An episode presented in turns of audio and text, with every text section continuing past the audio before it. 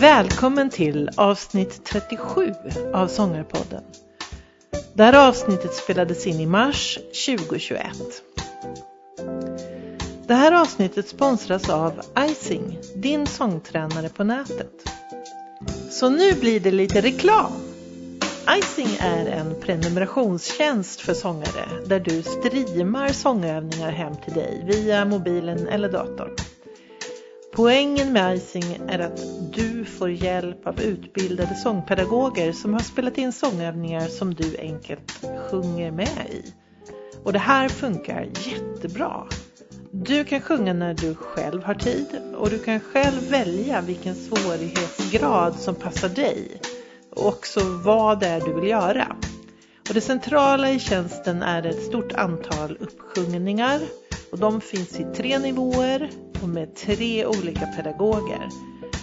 Och ett typiskt sångpass hemma kan vara att du startar med en uppsjungning som du tycker verkar bra. Då sjunger du med under de cirka 20 minuter som det pågår. Om du vill så fortsätter du sen med andra övningar, till exempel teknikövningar, intervallövningar, övningar som tränar omfång eller något annat. Vad blir då resultatet? Jo, de som använder icing säger att de får större omfång, bättre klang, de blir mer trygga med sin röst och de säger dessutom att de tycker att det är kul. Och det låter väl som ett enkelt val. Du startar din prenumeration på www.ising.se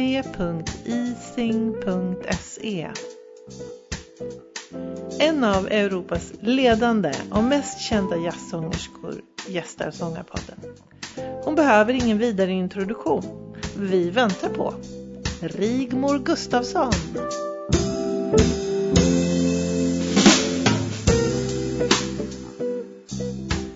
Välkommen till Sångarpodden.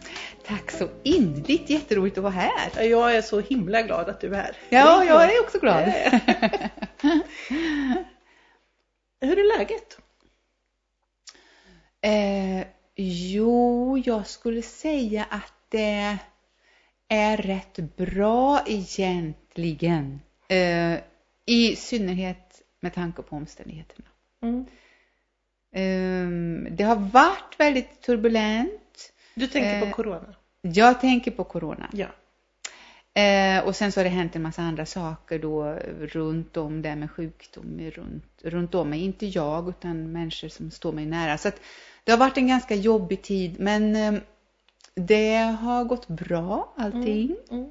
Och just nu så kan jag faktiskt känna att jag är ganska Ja men jag mår rätt bra. Jag är ganska glad över att eh, att eh, nej, men jag, jag försöker att tänka på, på fokusera på det som, som man ändå kan vara tacksam för Mm. trots allt detta. Mm. Faktiskt. Och jag, är- jag är liksom är glad också över att jag klarar att fokusera på det Mm. faktiskt. Ehm, sen är det klart att det är en väldigt orolig tid eh, och man inte vet vad, vad blir det framöver och hur lång tid orkar man härda ut. Mm. Men det får ta, man får försöka ta en dag i taget. Ja. Vi lever. Mm. Vi som inte har blivit sjuka eller blivit sjuka och klarat oss. Ja. Vi får ju vara tacksamma över det. Ja. Och så pratar jag faktiskt eh, alldeles häromdagen så pratade jag med Katarina Nygren, den- tjejen som, när jag åkte till New York och bodde i New York några år så var det då jag och så träffade en tjej där från Vindeln i Norrland.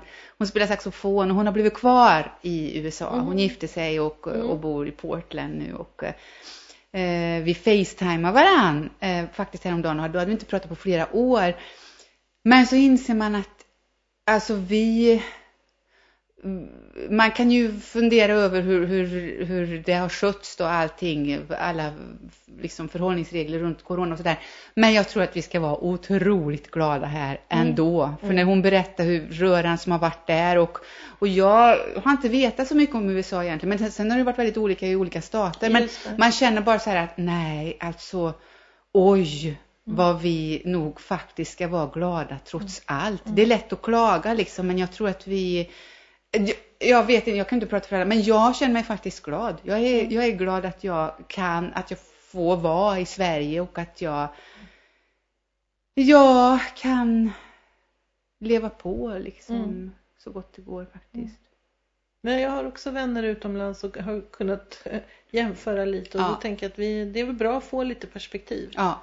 Att det har varit rätt bra här. Mm. Mm. Trots allt. Trots allt. Ja. Eh, ja, det sen så är det klart man kan inte veta om det skulle kunna varit på något annat vis. Det, men eh, jag vet inte, jag försöker att tänka att nej, nej, det, det kunde alltid varit värre. Mm. vi, vi, Mm. vi får enas om det. Ja. Jag tänker att vi har det ganska bra ändå. Ja. ja. New York alltså. Ja. Jag tänkte på en grej med dig och New York för att ehm, innan du kom hit idag så har du varit och ridit. Ja. Och jag har läst att när du var i New York så jobbade du på ett stall. ja, det gjorde jag. Så roligt. De flesta jobbar på något som diskare Ja. eller någonting sånt där men Mm. Mm. Nej, men det, det, och jag försökte, alltså när jag, det var ju väldigt fattigt på den tiden. Eh, och eh, Och det här var när du var i USA för att utbilda dig? Ja, Mm. alltså jag hade gått, jag gick ju på skola då, jag gick på Ackes först och sen så, kom, så ville jag, var jag fruktansvärt skoltrött men Mm. jag ville hemskt gärna vara i New York och då insåg jag att eh, det bästa sättet att få vara där eh, på ett lagligt sätt, alltså annars måste man ju åka över gränsen och man måste hålla på med, man får ju bara vara där en viss, ja, tre månader och så måste man åka in och ut och sådär och så. Så att jag kände att, nej men okej, jag eh, skulle kunna tänka mig att gå på skola igen och då fanns ju den här New School som jag hade några vänner som kände, ja jag vet inte hur jag fick nys om det, men det var ju också jättebra därför att då träffade man ju en massa musiker Mm. och, och hade någonstans att öva och jamma och allt vad det var. Så, men i alla fall så att jag gick där eh, och så fick jag då mitt eh, diploma hette det väl då och det var Alltså för att jag kunde också tillgodogöra mig de poängen som jag hade eh, från Musikhögskolan så att jag, fick, så att jag kunde liksom slutföra min eh, utbildning. Ah. Och då fick man någonting som heter Practical Training Year. Alltså man får vara kvar ett år i. USA eh, och man får jobba helt enkelt. Så då, dels så fick jag faktiskt elever på den skolan som jag hade gått på, så att jag var lärare, men det var ju bara några timmar i veckan då. Eh, Så det räckte ju inte och jag kände att jag behöver ha, ja jag måste, ha, jag måste göra någonting mer. Och sen så spelar man då, men det var ju också, jag menar det är inte, man tjänar ju inte direkt några pengar i Nej. New York som jazzmusiker. Det är inte så många som gör det. Även de kända jazzmusikerna åker ju oftast till, eller har ju åkt till Europa eller på turnéer och så tjänar de pengar någon annanstans. Det är ju inte just på klubb, klubbarna i New York som man tjänar de största pengarna, om man säger så. I alla fall så försökte jag också, för de allra flesta, de vill ju vara servitriser på någon restaurang eller diskare, eller alltså att man är i Mm. den klubbmiljön som man kanske Ja. spelar på Ja. och lite sådär. Och jag försökte att jobba på någon fik och det gick så otroligt. Jag har så svårt att känna igen människor så man ska, någon ska ha ja, men jag ska en chokladkaka utan så och si och så och jag ska det där. Och så gick jag, irrade jag omkring och bara så här, vem var det som sa, nej vilket bord satt och, nej. Så jag insåg, det, det var så här tre dagar som jag försökte och så bara det här finns ingen möjlighet för mig. Och då så insåg jag att det finns ju ett stall här, för jag ser ju hästar i Central Park. Och då gick jag dit och frågade om jag fick jobba. Och det sa man jag fick, jag fick jobb på stört. Jag, jag kom dit, jag kunde börja liksom dagen efter. Är det sant? Ja, det, alltså det är sån kris, det var ju sånt slitjobb. Ja. Och jag jobbar ju inte varje dag i veckan heller, utan det var ju, jag hoppade in lite sådär som jag, som jag orkade och hade möjlighet då, Mm. för de behövde hjälp hela tiden. Mm. Ehm, och men framförallt så fick jag ju rida i Central Park. Ah. Så. Nu så här när man har blivit äldre och man inser hur mycket saker som kan hända när man rider så tänker jag att det var ganska modigt. Man red ju över två avenyer för att komma in och det kommer liksom polisbilar och brandbilar och allt möjligt. Och så rider man mitt i gatan där. Ganska vilt egentligen. På ett Men sätt. hästarna är ganska Ja, de var lite olika. Jag Ja. fick rida ut en del då eftersom de förstod att jag hade ridit och att jag då red mycket när jag var liten och hade liksom sådär, hade ridit mycket. Jag var ju inte ridskoltjej i grunden utan jag red mest ute på landet och liksom Mm. i ja, mycket barbacka och i skogen och sånt där. Och, så att jag fick vissa hästar som inte, ja men som behövde komma ut mer än att bara gå inne på i den här ridbanan då som fanns inne i byggnaden där vid 89 mm. gatan. De, eh, ja så att jag fick rida ut och ta ut vissa, och vissa var ju lugna och andra var inte riktigt lika lugna. Så det var lite olika och spännande. Men... Jag tycker ändå att det är ganska häftigt. Det är väldigt ovanligt så här. Då var jag ju bara så mitt i det. Men nu ja. när jag tänker tillbaka på det så tänker jag så här, men alltså, har jag gjort det här? Eller vad, vad, hur kom, det är, det är inte så vanligt, Nej. så kan jag säga. Nej, just det. Um, men lite roligt. Och det, och det verkar ju som att du, du slutar inte med hästar, du håller, fortsätter. Det gör jag. Mm. Ja, nu så betyder det faktiskt eh, jättemycket och i synnerhet precis den här Alltså coronaperioden nu, det har ju varit räddningen att vara ute och rida. Mm. För vi har ju, och det har också varit fantastiskt med just ridningen att den har fått fortsätta eftersom man håller av, man är ju inte nära varandra liksom på, på det sättet. Så, att, så det har ju varit helt, jag är otroligt tacksam över att den mm. verksamheten bara har kunnat fortsätta. Mm. Det har ju varit fantastiskt mm. om man rör på sig och man kommer ut och man mm. är, är nära hästen och ja, nej men fantastiskt. Mm. När kommer en hästskiva då? ja, Rigmor? jag vet inte. Jag, jag funderar liksom vad det skulle ha för något, eh, hur det skulle låta, vad det skulle vara för något tema, vad det skulle vara för texter. Men eh, det vore härligt om man kunde kombinera det på något sätt. Faktiskt. Mm. Jag vet inte. Kanske kan hitta något. Mm. Hörru du, du är ju en väldigt framgångsrik sångerska och inom en genre som tidigare var den var inte så... Idag är det ganska många unga jazzmusiker som kommer fram. Men det har varit en period när det inte, den har inte varit så stor. Mm. Eh, men du lyckades slå igenom. Eh, du har ju eh, också gjort karriär inte bara i Sverige utan internationellt och mycket nere i Tyskland och runt om världen. Mm. Och när du tittar tillbaka, eh, vad tror du liksom var de här, avgörande ögonblicken eller de avgörande valen som gjorde att du, du lyckades med det? Ja, det är en väldigt intressant fråga för jag har nog trots en massa intervjuer som man har gjort så har jag nog egentligen inte rätt upp för mig själv eller eh, åt just den frågan. Eh, jag, men jag tror, och jag tror att jag inte det har liksom mer varit så, alltså valet stod liksom väldigt tidigt skulle jag säga, när jag var liten och det var ju så att det blev, alltså från att jag, så länge jag kan minnas, men alltså från att jag var sex, sju år. Mm. Eh, så var det, man är uppvuxen på en bondgård och så hade vi en gitarr hängande på väggen. Och sen så är det det här då, nu har jag berättat, ja, mycket, eller pratat en del om det för de som känner till mig. Att man, en mamma dog när vi var små. Vi, då säger jag, jag och min lilla syster Kristina och våran brorsa också. Som var, han var elva, jag var sju, Kristina var tre. Och det var ju oerhört sorgligt. Mm. Eh, men det gjorde att jag satt väldigt mycket med gitarren. Eller så var jag hos min häst som jag fick mm. då en mm. liten ponny, en liten, ett litet envist russ som stod i laggården. Och vi hade, vi hade, det var en väldigt lit, vi hade liksom så här sju kossor, sen så utökade vi till 14, så det var en väldigt liten bondgård och så några gris och lite sådär, en katt. Men så på något vis så var det redan, redan från jättetidigt så var det liksom hästar eller musik, eller alltså på de två grejerna mm. kan man säga. Och sen så, och det var, gick ju parallellt eh, fram till att jag, ja men till högstadiet när jag förstod mer och mer att jag ska välja gymnasium sen. Mm. Och så tog musiken över mer och mer. Eh, och sen så var det som sagt dags att välja gymnasium. Då valde jag musiklinjen i Karlstad och kom in där. Och då var jag dessutom, eftersom vi bodde på landet, man kunde inte, då var jag tvungen att flytta för det fanns mm. inga kommunikationer. Mm. Så man kan väl säga att någonstans där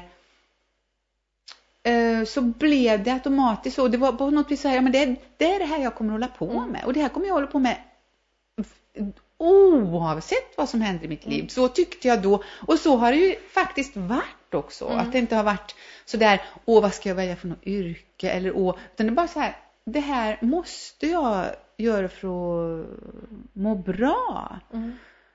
Eh, och sen har jag då haft turen att kunna jobba med det, så kan man nog säga. Men, men egentligen så har det inte varit, det har funnits sig väldigt naturligt att jag har, okej nu håller jag, och jag är också väldigt, alltså det som jag eh, i synnerhet tidigare, nu tycker jag att jag behöver bli lite lat på äldre dagar, men alltså tidigare så kan jag verkligen säga att det som jag gör, gör jag ganska intensivt. Så att när, när det är, när, när det, jag förstod att jag ska börja på musiklinjen och musiken tog över mer och mer. Jag var tvungen att bestämma mig för att sälja min häst som jag hade haft hos en föl och ridit in själv ute där på. Ja, det var, det var ju väldigt smärtsamt, men det var tvungen att bli så för jag kunde inte ta hand om båda och då, då blev det ju bara musik och då var det också så att jag, jag ska lära mig, alltså jag, jag lär mig så mycket jag kan. Jag är ambitiös och lite manisk och, och, och, och då lär jag mig, då är det bara i, i, lära mig så mycket jag kan helt enkelt. Och, så, och, och sen, ja, och då är det bara, men det är det här jag håller på med och då fortsätter jag och då blir det, och på något vis att det var inte så uttänkt att jag ska jag ska ha en karriär eller jag ser mig själv, jag har en idé och jag ska ha, jag har en plan och om fem år, sådana där planer att man har varit står, vart, hur ser du dig själv om fem år Just och sånt det. där. Det, alltså det har aldrig, jag har aldrig haft det i Mm. mig. Jag har nog ehm, eh, varit ehm, Nej, men jag har nog levt ganska mycket i nuet, Mm. kan jag faktiskt säga. Eh, och inte... ehm, Ja, men jag tror också att det har med kanske barndomen och den sorgen att, och miste mamma, att jag inte har tagit saker och ting för givet. Jag har inte tagit saker och ting för givet att, att eh, man ska leva. Man, man, vem som helst kan dö när som helst och ja, det kan jag också göra och det gäller att, att på något vis ta vara på Mm. tiden Mm. man har. Ehm, eh, och eh, ja, av den anledningen så har jag väl inte planerat så mycket framåt. Och det har ju också... Oj, vad jag pratar på nu. jag babblar på. Nej, ja, men det har ju också... eh, Det kan ju också vara lite sorgligt, för det blir också så här att man inte att man inte riktigt vågar planera. Liksom. Det finns ju, Mm. i viss mån kan ju det vara lite så här, ja men lite Ja men alltså det är ju roligt att tänka så här, åh jag ska skaffa barn och så när jag blir gammal då minsann ska jag göra det här och sen ska jag när jag blir pensionär då ska jag börja, och... då, inte vet jag vad jag ska göra då. Men, nej men sådär, och jag har aldrig tänkt så utan det bara pågår liksom. Men du måste ju ändå ha varit beredd att säga ja till saker. För det kan jag tänka är en skillnad. Om man tvekar lite, man vågar inte. Men om du var ändå inställd på att det är det här jag ska syssla med. Ja, eh, absolut. Och jag kan nog säga att jag har Ja, men det har nog gått på en inre Alltså en väldigt Ja, men en väldigt stark vilja att hålla på med det jag håller på Mm. med. Till exempel att jag hamnade i New York, det var inte någon plan uh, egentligen att ja, när jag går till musik så då ska jag, utan det var bara så att jag, jag ska hålla på med musik Eh, och sen så hade jag då min kompis Anders som eh, skulle åka till New York och tyckte nu måste du hänga, Rimo du sjunger jazz, det är klart du måste hänga med till New York liksom. Och då, ja men ska, det borde jag ju på något så, så, så att jag följde med dit, vi ska åka på semester i tre veckor. Och då var det bara så här, what? Det är ju här jag ska vara! Och då var det bara så här, här ska jag vara. Mm. Här ska jag vara. Och från att jag kom hem så var det bara så här, okej, hur gör jag för att kunna vara i New York? Ah, okej. Och, det, och, sen, och på den vägen var det. Och då var det liksom inget så här, ja men jag har ingenstans att bo. Jag har ingen, jag har, allt sådär. Bara, nej. Så att jag, och då hade han en kompis som, som bodde där som jag kunde få bo hos första veckan. Och grejen är att jag åkte dit. Och jag visste vart jag skulle bo i en vecka. Första veckan visste jag vart jag skulle Mm. bo. Och då, det här var ju på 1800-talet vad jag säga. Nej men det här var ju faktiskt innan, alltså det var ju 93, 92 då, 92, 93. Eh, och det låter, men alltså man tänker efter, jag skickar kassettband fysiskt till skolan för att bli antagen då. Och sen så skulle det skickas brev, det var någon gång som det faxades men det skickades brev, det fanns ingen mail, det fanns inga mobiltelefoner, det fanns ingenting. Och nu är det bara så här, och så, så åkte man dit och så pappa då som satt hemma på våran lilla bondgård, och ska du vara Ja, ja, du kan väl höra av dig. Ja, det kan jag göra, men jag har inga, man har inga pengar. Så man ringde så här collect call och hade lärt honom att du, när, när det ringer någon och pratar engelska, det, du ska bara säga yes. Du ska säga yes, det är det enda du ska säga. För då kommer de att fråga om du tar emot ditt collect call så att vi kan prata. För då gick man ut till en telefonkiosk och så ringde man så här. säga ja. Säg bara ja. Säg ja. Nej men så att då, för då var det så här, det var ju de ringde, det var ju collect call och så liksom så här fick han ta emot det då. Yes, liksom när han inte fattade vad han sa. Och så pratade vi så, kanske var, när man fick lust då. så här ringde kanske varannan vecka eller något sånt. Inte vet jag, var tredje vecka. Och nu när man tänker på det här, ja, att med mobil, ja, ah, ja. Det var eh, otroligt, det, det känns ju som att det jag tycker inte att det känns så länge sedan, men när man tänker på hur mm. det var så är det ju så här, va? Mm. Var, var det verkligen mm. så? Helt otroligt. Men, eh, ja, nej men säga ja, nej men jag skulle säga så här, jag, jag har haft en väldigt, eh, jag har gått väldigt, väldigt mycket på min inre känsla och min inre vilja. Mm. Och så är det den som har styrt. Mm. Mer än eh, en, någon form av logisk tanke.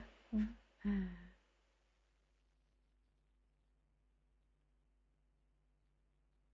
Ja.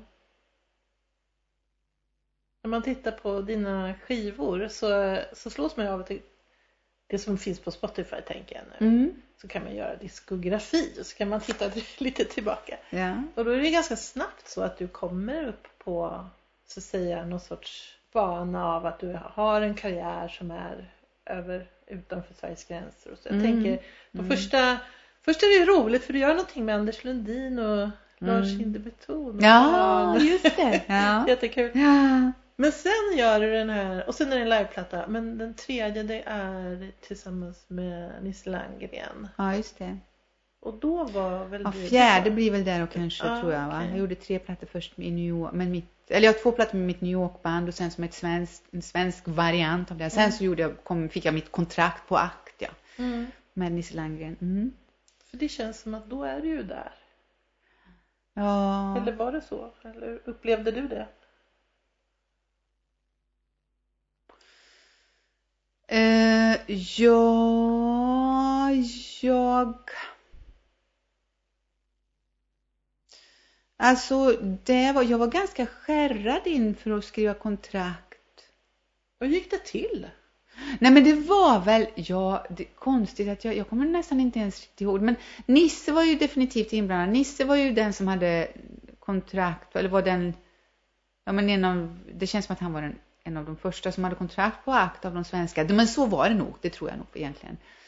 Uh, jag kan sitta och säga fel nu, men det var, kände, det var i alla fall, han var som en liten spindel i nätet där på något mm. sätt. Så det var väl genom honom på något vis. Uh, jo, men det var ju också så, nej, men han bjöd in till en festival i Tyskland mm. eh, som jag spelade på med mitt band. Och då var Sigge Loch där från Actia. Och så gillade han, gillade han oss mm. helt enkelt. Så då kom han in, så var det ju faktiskt. Men, då, men det känns som att jag, att jag innan där visste, kände till Act och att jag på något vis hade förstod att han kanske skulle vara där. Det känns som att mm. det, var inte, det var inte bara så här från ingenstans liksom så råkar vi ha spelning och så komma. Utan det kändes ändå som att det var, det fanns någon koppling innan mm. där på något vis. Men det var nog avgörande faktiskt ändå. För jag kommer ihåg att vi spelade i Berlin och så kom han in där och då och då och så var han intresserad av att vi skulle skriva kontrakt då. Men sen så gick det ett bra tag för jag var jättenervös att skriva kontrakt och vad vi, nu kommer jag skivbolag, de, kommer, de vill alltid skinna en typ liksom, okay. ungefär så tänker man då. Mm. Eh, och så skulle det vara långt, dessutom var, det skulle vara tio år eller någonting sånt där. Tänk ja, om jag kommer ju vara pensionär innan, oj hur ska det gå, tänk om jag än, tänk om jag vill ha sådär. Så att det gick ganska lång tid innan jag kunde bestämma mig. Jag var ganska skärrad. Men sen så vid något tillfälle så sa Nisse, jag tror Rigmor att det är dags att du bestämmer dig nu om Mm. inte du ska låta den här chansen gå dig förbi. Och då var jag lite så här, ja men okej, vad skriver vi på? Ehm, och ehm, ja men jag var lite skärrad i början för jag tänkte vänta kan vad är det här, hur styrd blir jag och vad så, sådär. Men alltså jag har ju, jag är ju bara tacksam för Mm. att jag gjorde det. Mm. Verkligen. Mm.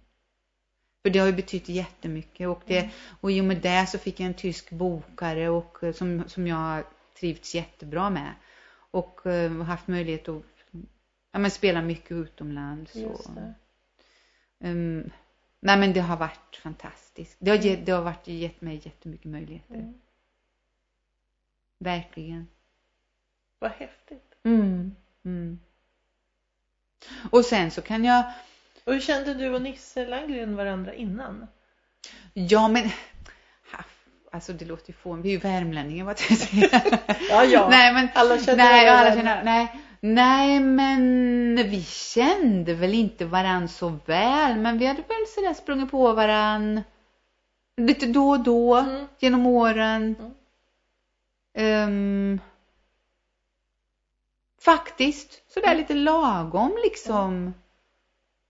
Ehm, men han kan väl säga, man kan väl säga att han tog sig an mig också på sätt som han, han har tagit sig liksom an andra också får man ändå säga. Nisse har ju varit fantastisk, Mm. verkligen. Verkligen. Ehm, så det har, ja, när det liksom blev så. Ja, och nu är det så svårt att tänka tillbaka för jag kommer inte riktigt ihåg hur det var innan. Det här var ju 2003 då. Mm. Eh, och då hade jag, jag kom hem från New York 97. Och då spelade jag in första skivan 97, ja 97. Mm. I, och då var jag där på Profon, så jag spelade in tre skivor på svenskt, alltså sven- Profon då först. Mm. Ja, men så sen så är det väl lite så, alla musiker, man är jazzmus, det är ju ganska liten värld ändå. Mm. Så det är många, alla känner alla lite grann Mm. sådär. Mm. Jag tänker eh, betydelsen av skivbolag. Mm.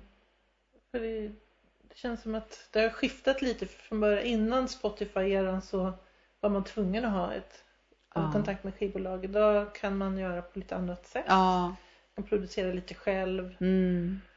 Men jag menar det här att man får en bokare i ett land och Mm. det finns en, någon, sorts, någon som så att säga är med och ma- managerar hela karriären då kanske. Ja, lite så. Ja, alltså för mig så, så, är, så betyder det jätte, jättemycket. Och jag vet faktiskt inte vad som hade hänt om jag inte hade haft ett skivbolag. För att jag, eftersom jag då, eh, som vi pratade om lite innan intervjun här, vad gäller liksom det administrativa och, och, och, dat- datorjobb och hela allting runt omkring eh, det som inte har med själva musiken att göra, det, det tycker jag är väldigt jobbigt och eh, ja, men det får man ju hacka i sig om man är tvungen. Så får, om man nu vill nå ut så är det klart att man får göra en massa saker som man inte alltid tycker är så himla roligt. Men, men eh, jag var liksom så fokuserad på musiken i sig så jag vet inte vad som hade hänt om jag inte hade haft ett skivbolag. Jag vet inte hur, Mm. hur, hur, vilken förmåga jag hade haft att styra upp saker och ting. Det, Nej. det vet jag verkligen inte. Nej. Å andra sidan så är jag nog faktiskt av den i, har jag nog den tron, så när jag själv har jobbat som lärare så när de har frågat, jag sådär ibland om jag har haft klinik och sådär och de har undrat, ja men hur gör man liksom för att, för att, ha någon karriär eller skivkontrakt så, här, så, så mitt, mitt enda råd är egentligen bara öva, gör det du, fokusera på det du älskar och gör det så mycket du någonsin kan. Mm. Håll fokus på det och så tror jag att det löser sig då. För jag tycker att det är så det har gått för mig. ja men faktiskt lite så. Mm. Ehm, så, så att, men jag menar det, jag kan, jag kan ju också säga att jag har haft en himla tur eller så är det som Ja men sådär lite som, vad är det, jag hörde faktiskt alldeles nyligen, Ingmar Stenmark har sagt så här, det är Ja, lustigt, jag, jag, ju, mer, ju mer jag tränar desto mer tur har jag, Mm. typ liksom. ja men lite så. Mm. Ehm, så att, ja som sagt, skivbolag. Jag, men sen, jag menar sen kan man också, jag kommer ihåg också i samband med det där Jonas Kullhammar till exempel som startade Muserobi och andra som har startat sina egna bolag som också, som kanske faktiskt känner tvärsom att man vill ha kontroll. Jag vill inte att Mm. någon annan ska, jag vill styra min egen, jag vill styra hela det här själv så att jag har kontroll över mitt, mitt, hela mitt uttryck. Och jag kan verkligen förstå den Mm. känslan också. Men jag är inte där. Jag skulle aldrig, jag, jag har inte den, jag har inte den förmågan. Det blir lite fel. Det är nog man, man jaha, ska vi ta bilder nu? Ja, oh, jag har ingen, nej, ta bilder då. Ja, nu, oh, först, det här var jobbigt. Då är bra, nu är det över. Eller nu ska man göra olika saker. Och sen så har jag ju, det är klart jag har ett kontrollbehov och vill att det ska liksom se bra ut och man tycker nej, vad var det där för någon hemsk omslag eller intervju eller vad du vet sådär. Mm. Så att visst är jag, det är inte det att jag, att jag släpper kontrollen så, men däremot så har jag inte, att jag själv skulle från grunden, jag skulle inte orka liksom bygga upp allting där runt omkring. Då tror jag, att det, jag tror att det skulle, att musiken skulle mm, bli lidande Mm. faktiskt i mitt fall. Vissa får inspiration av att hålla på med det. Ja. Och det är ju bara att gratulera. Men jag är inte där. Jag är inte den typen. En annan sak som du ändå gör, det jag tänker på din senaste, eller näst senaste, den alltså Come Home-skivan. Ja, Där är det ju så att du samarbetar med en rad människor. ja du tänker på Jag tänker- själva skrivandet Ja. då eller? Mm. Mm. Det är ganska intressant för att när du sen går in i studion och spelar då spelar du med musiker som du har spelat tidigare med. Mm. Alltså, så att det blir som ditt band. Ja. Men själva låtskrivandet och textskrivandet, Mm. där, så, olika för olika låtar. Det är väldigt kul att läsa listan. ja, vad roligt att du säger det. Eh, Man skulle kunna tänka sig att det också skulle kunna ge ett splittrat intryck. Nej men så här, för mig så är ju den röda tråden att det är jag som skriver musiken. Eh, och eh, det... Alltså är det någonting som jag verkligen önskar att jag hade en större talang för eh, eller ett bättre flöde för eller vad man säger. Det är verkligen att jag skulle, jag skulle önska att jag hade ett flöde vad gäller textskrivandet Mm. på samma sätt som jag har vad gäller musiken. Mm. Eh, för det, ehm, det, jag är jättekänslig för, för ord och det jag läser och hur ett ord ska passa och sjunga eller om jag läser en bok, jag är väldigt snabb så, så bara så här, vad är det här? Du, Jag är känslig för språket och sådär. Och det skulle man, det borde jag ju inte kosta på mig att vara med tanke på att jag själv inte, det, det verkligen att kasta sten i glashus. För jag själv ehm, har ju inte något, åstadkommer ju verkligen inte något något bättre vad gäller textförfattandet om man säger så. Men samtidigt så, men det kan ju också ha att göra med att jag är väldigt kritisk till det som jag, alltså jag tycker att det, om jag själv skriver så är jag otroligt självkritisk vad gäller orden. Eh, och jag tycker att det, mm, ja det måste, det måste vara så helt liksom eh, mm, eh perfekt typ. Alltså det här låter ju dumt att säga egentligen för att någon gång, jag har ändå tänkt att jag ska skriva och då kanske människor tror att åh nu är det perfekt när jag väl För att vad jag jobbar med är faktiskt att, slä, att tänka och släppa den biten. Att jag, att jag kan inte hålla på så för det blir ingenting liksom om jag ska vara så stenhård. För jag är inte så hård mot andra. När andras texter kan jag mycket mer köpa och tycka att det är fint och ja men du, det där stämmer bra och jag kan sätta mig in i det och jag har till exempel då när jag har, jag menar alltså Anders känner ju väldigt väl när han har varit inblandad eller, och, och nu Anders Andreas Lundin. Anders Lundin ja. Ja. Andreas Mattsson har det varit Mm. jätteroligt att träffa. Fina texter. Jättefina Mm. texter och så, så andra, nu har jag gjort musiken då men andra så, när han har skrivit låtar till, ja till andra som som Lisa Nilsson till exempel, Var är du min vän? Jag tycker den är helt, ja, jag börjar gråta så fort hon bara öppnar mun. Jag tycker det är helt fantastiskt. Eh, men, eh, ja, vad ska, jo, men så att, så då har ju vi pratat lite grann om ja men sådär liksom vart man står eller har jag några speciella idéer om vad jag vill att, att de ska skriva om sådär. Eh, och då kan jag ha haft lite idéer om det och förklara lite hur jag känner och vad jag tycker och hur det känns att sjunga olika saker liksom. Men, men framförallt så är jag ju mycket mer accepterande och tycker verkligen att det är fint då. Men däremot om jag tänker så här, tänk om jag skulle skriva det här, då skulle det vara helt, nej, kan jag verkligen skriva det här ska jag verkligen sjunga? Och, då, och det känns också mycket mer naket mm. förstås. Ah. Och det är ju också, samtidigt är det ju det man vill. Man vill ju att, eh, om jag lyssnar på någon så vill jag ju att det ska vara ärligt och rent. Mm. Liksom. Så att, eh, ja, det är ett litet, det där är ett litet, eh, jag vet inte vad jag ska säga, jag vill inte kalla det för problem, men det är, ett, eh, det är någonting som är lite komplicerat. Ja, det där med textförfattandet eh, för egen del. Mm. Dock har jag ju gjort texter, alltså den, den skivan som jag gjorde 2008 eh, så var det bara min egen musik mm. och mestadels mina egna texter. Mm. Men det tog ju Ja, det tog ju sån tid så att det var ju liksom ingen hejd på det. Jag tvingade mig själv. Jag fick inte gå, jag, jag tvingade mig själv att sitta. Nu går jag och sätter mig. Nu får jag inte, jag får inte röra mig ur den här stolen från, från förrän jag har skrivit en mening. Och på den vägen var det. Och det kunde ta liksom typ timmar. Jag var så här, I feel, nej, nej, herregud. When, nej, nej. Du vet så liksom. Mm. Det var hemskt. Men jag gjorde det. Jag gjorde det, så jag har i alla fall gjort det. Mm. Och några låtar är lite känsliga dessutom så att jag och liksom är väldigt, eh, ja, så nakna kan jag tycka. Men jag har gjort det, men då kanske jag får tänka så här, okej okay, jag har gjort det en gång.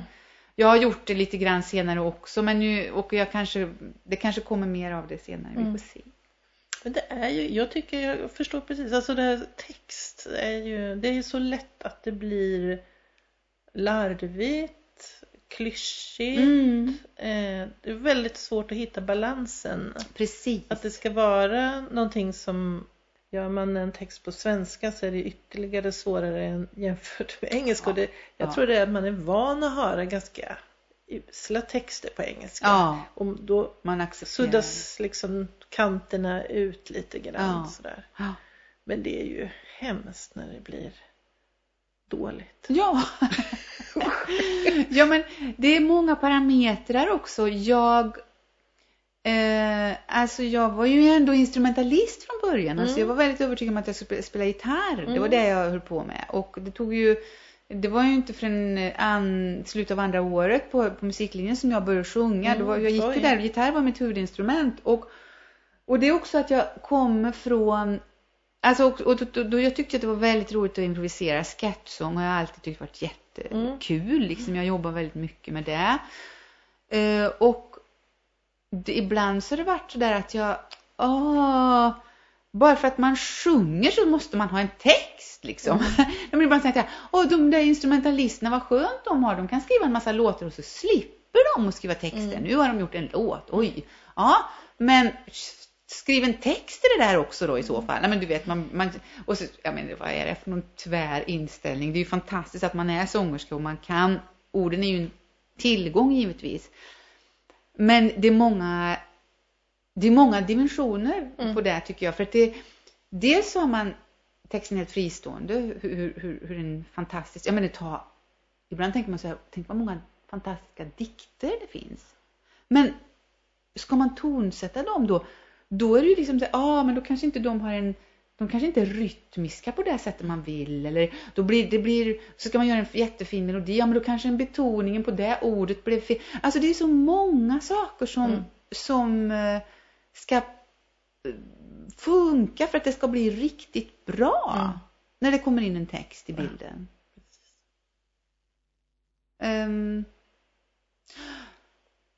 ja, och sen så kan man ju tänka, sen finns det ju massor av sådana där texter som um, som är, som inte är, eller som inte, det låter ju hemskt att säga, men jag tänker på så här, det finns Ja men ta en låt som Blue and Green som det finns en text till. Känner, känner du till mm. den? Nej men det, det, är också så här, då är det vackra ord och det är vackert och så här, och, och den blir, det är en jättefin låt och så. Men då är det också så här, ibland så Ja men det är liksom Det är, ja, det är bara, ja, jag vet inte vart jag vill komma med det här. Det är bara det att det är många olika parametrar. Ibland så blir Mm. texten väldigt känslig och ibland så är det bara ord. Och ibland är det vackra ord eller ibland så blev det fel och det blev konstiga betoningar. Många av jazzlåtarna som, som det har kommit text till efteråt, det märker man ju därför att det blir så konstiga betoningar och det blir, ja. Ja men det är en hel... Mm. Ja, men det är en hel... Det- Och det är därför det blir så Ja. konstigt ibland när text och musik egentligen inte riktigt passar ihop. Ja. För då när det kommer ett solo då blir det något glatt Ja, kanske. ja, fast texten precis. är väldigt sorglig. Då Ja. får man säga till att stopp, stopp, här ska bara vara sorgligt. Och all... Vad är, vad är det för då- mod på den, i den här Exakt. låten? Ja, ja visst, visst. mm. Nej, det är jättespännande. Och eh, nu tycker jag inte, nu för tiden så tycker jag inte att jag råkar ut för det så ofta. Men jag kommer ihåg ändå för, för länge sedan när man började och kanske framförallt studera att det var ofta sådär att, att man fick säga till liksom, man vänta, vet ni vad texten handlar om här? Ni som Mm. spelar sol och det är ingen som har någon aning. Det är inget, ingen har hört något. Man vet, de vet ingenting. Man har sjöng fel eller glömde bort sig. Det var ingen som märkte något liksom. Det, och, ja men det, ja, det är knasigt Mm. liksom. Ehm, men egentligen så kan jag tycka nu att ehm, jag tänker att jag ska göra någonting på svenska härnäst Ja, okej. faktiskt. Det är inte riktigt lika bekvämt och rent Mm. ehm, ja vad ska man säga, orden ligger inte lika härligt i mun som engelskan gör tycker Mm. jag. Men det är ju, man är, det blir ändå väldigt tydligt att det är ju, alltså spr- språket, det biter ju på ett annat sätt Mm. ändå när det blir svenskt faktiskt. En låt som jag tycker där det matchade sådär 110 procent. Titellåten på den här Come Home-skivan. Ja, jag snöar ju in på den big time alltså. Jag tycker den är fantastisk. Alltså jag blir jätte, jätteglad när du säger det. För grejen är att jag tycker, jag tycker att den är ganska så fin själv. nej, men, alltså den, Den- den den ligger sist. Ja, varför gör den det? Nej men alltså ja, det, vet du vad, det här med att göra låtordning på en skiva, det är minsann inte, det, det är inte helt lätt. Mm. Nej men och, och den är ju lång, den är Mm. eller lång då för att vara liksom eh, nutid Mm. också när man gör en sångskiva. Hur lång är den? Ja men den är, jag tror att den är lite drygt sju minuter, Ja. någonting som sju, åtta kanske någonting. Och då så är det så, ehm, för jag, jag, jag tycker faktiskt den är fin, liksom, jag är faktiskt väldigt glad över den där li, baslinjen som går, som Mm. går ner och bara faller och faller och faller och sen så byter det och sen så går det upp och så.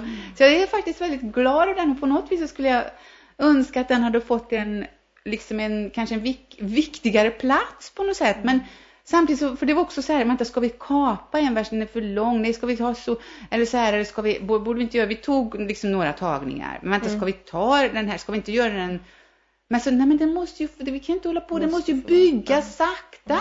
Och bygger man en låt sakta, då, det, går, det går inte att göra det på tre minuter. Nej. Det tar ju sin tid Mm. liksom. Och jag skulle ju, det är många, ehm, ja nu hoppar jag in lite på ett sidospår här, men jag tycker ofta att, att låtarna på en skiva är bara som en komprimerad, eh, som, liksom, eh, vad ska man säga, smakprov Smakprov. liksom. Ja. På det som händer live på Mm. något vis. Ja, just. Eh, Men just vad gäller den sången så kände jag ändå så här, men det här faller om man skulle komma, det måste vara, det måste vara så här. Mm. Men det blir svårt då om man ska ha, man ska försöka göra någon form av en, av en, en liksom form på låtordningen. Och då känns det så här, men då kan du inte ha någon som är tre, men sen så kommer det plötsligt sju minuter och sen så kommer det en som är, utan man vill ju att det ska vara någon, allting ska ha en form liksom, Mm. längden och harmoniken och stilen och så här till, till något, jag tycker att det är supersvårt då, så då hamnar den liksom sist och så har den kanske kommit I skymundan. i skymundan.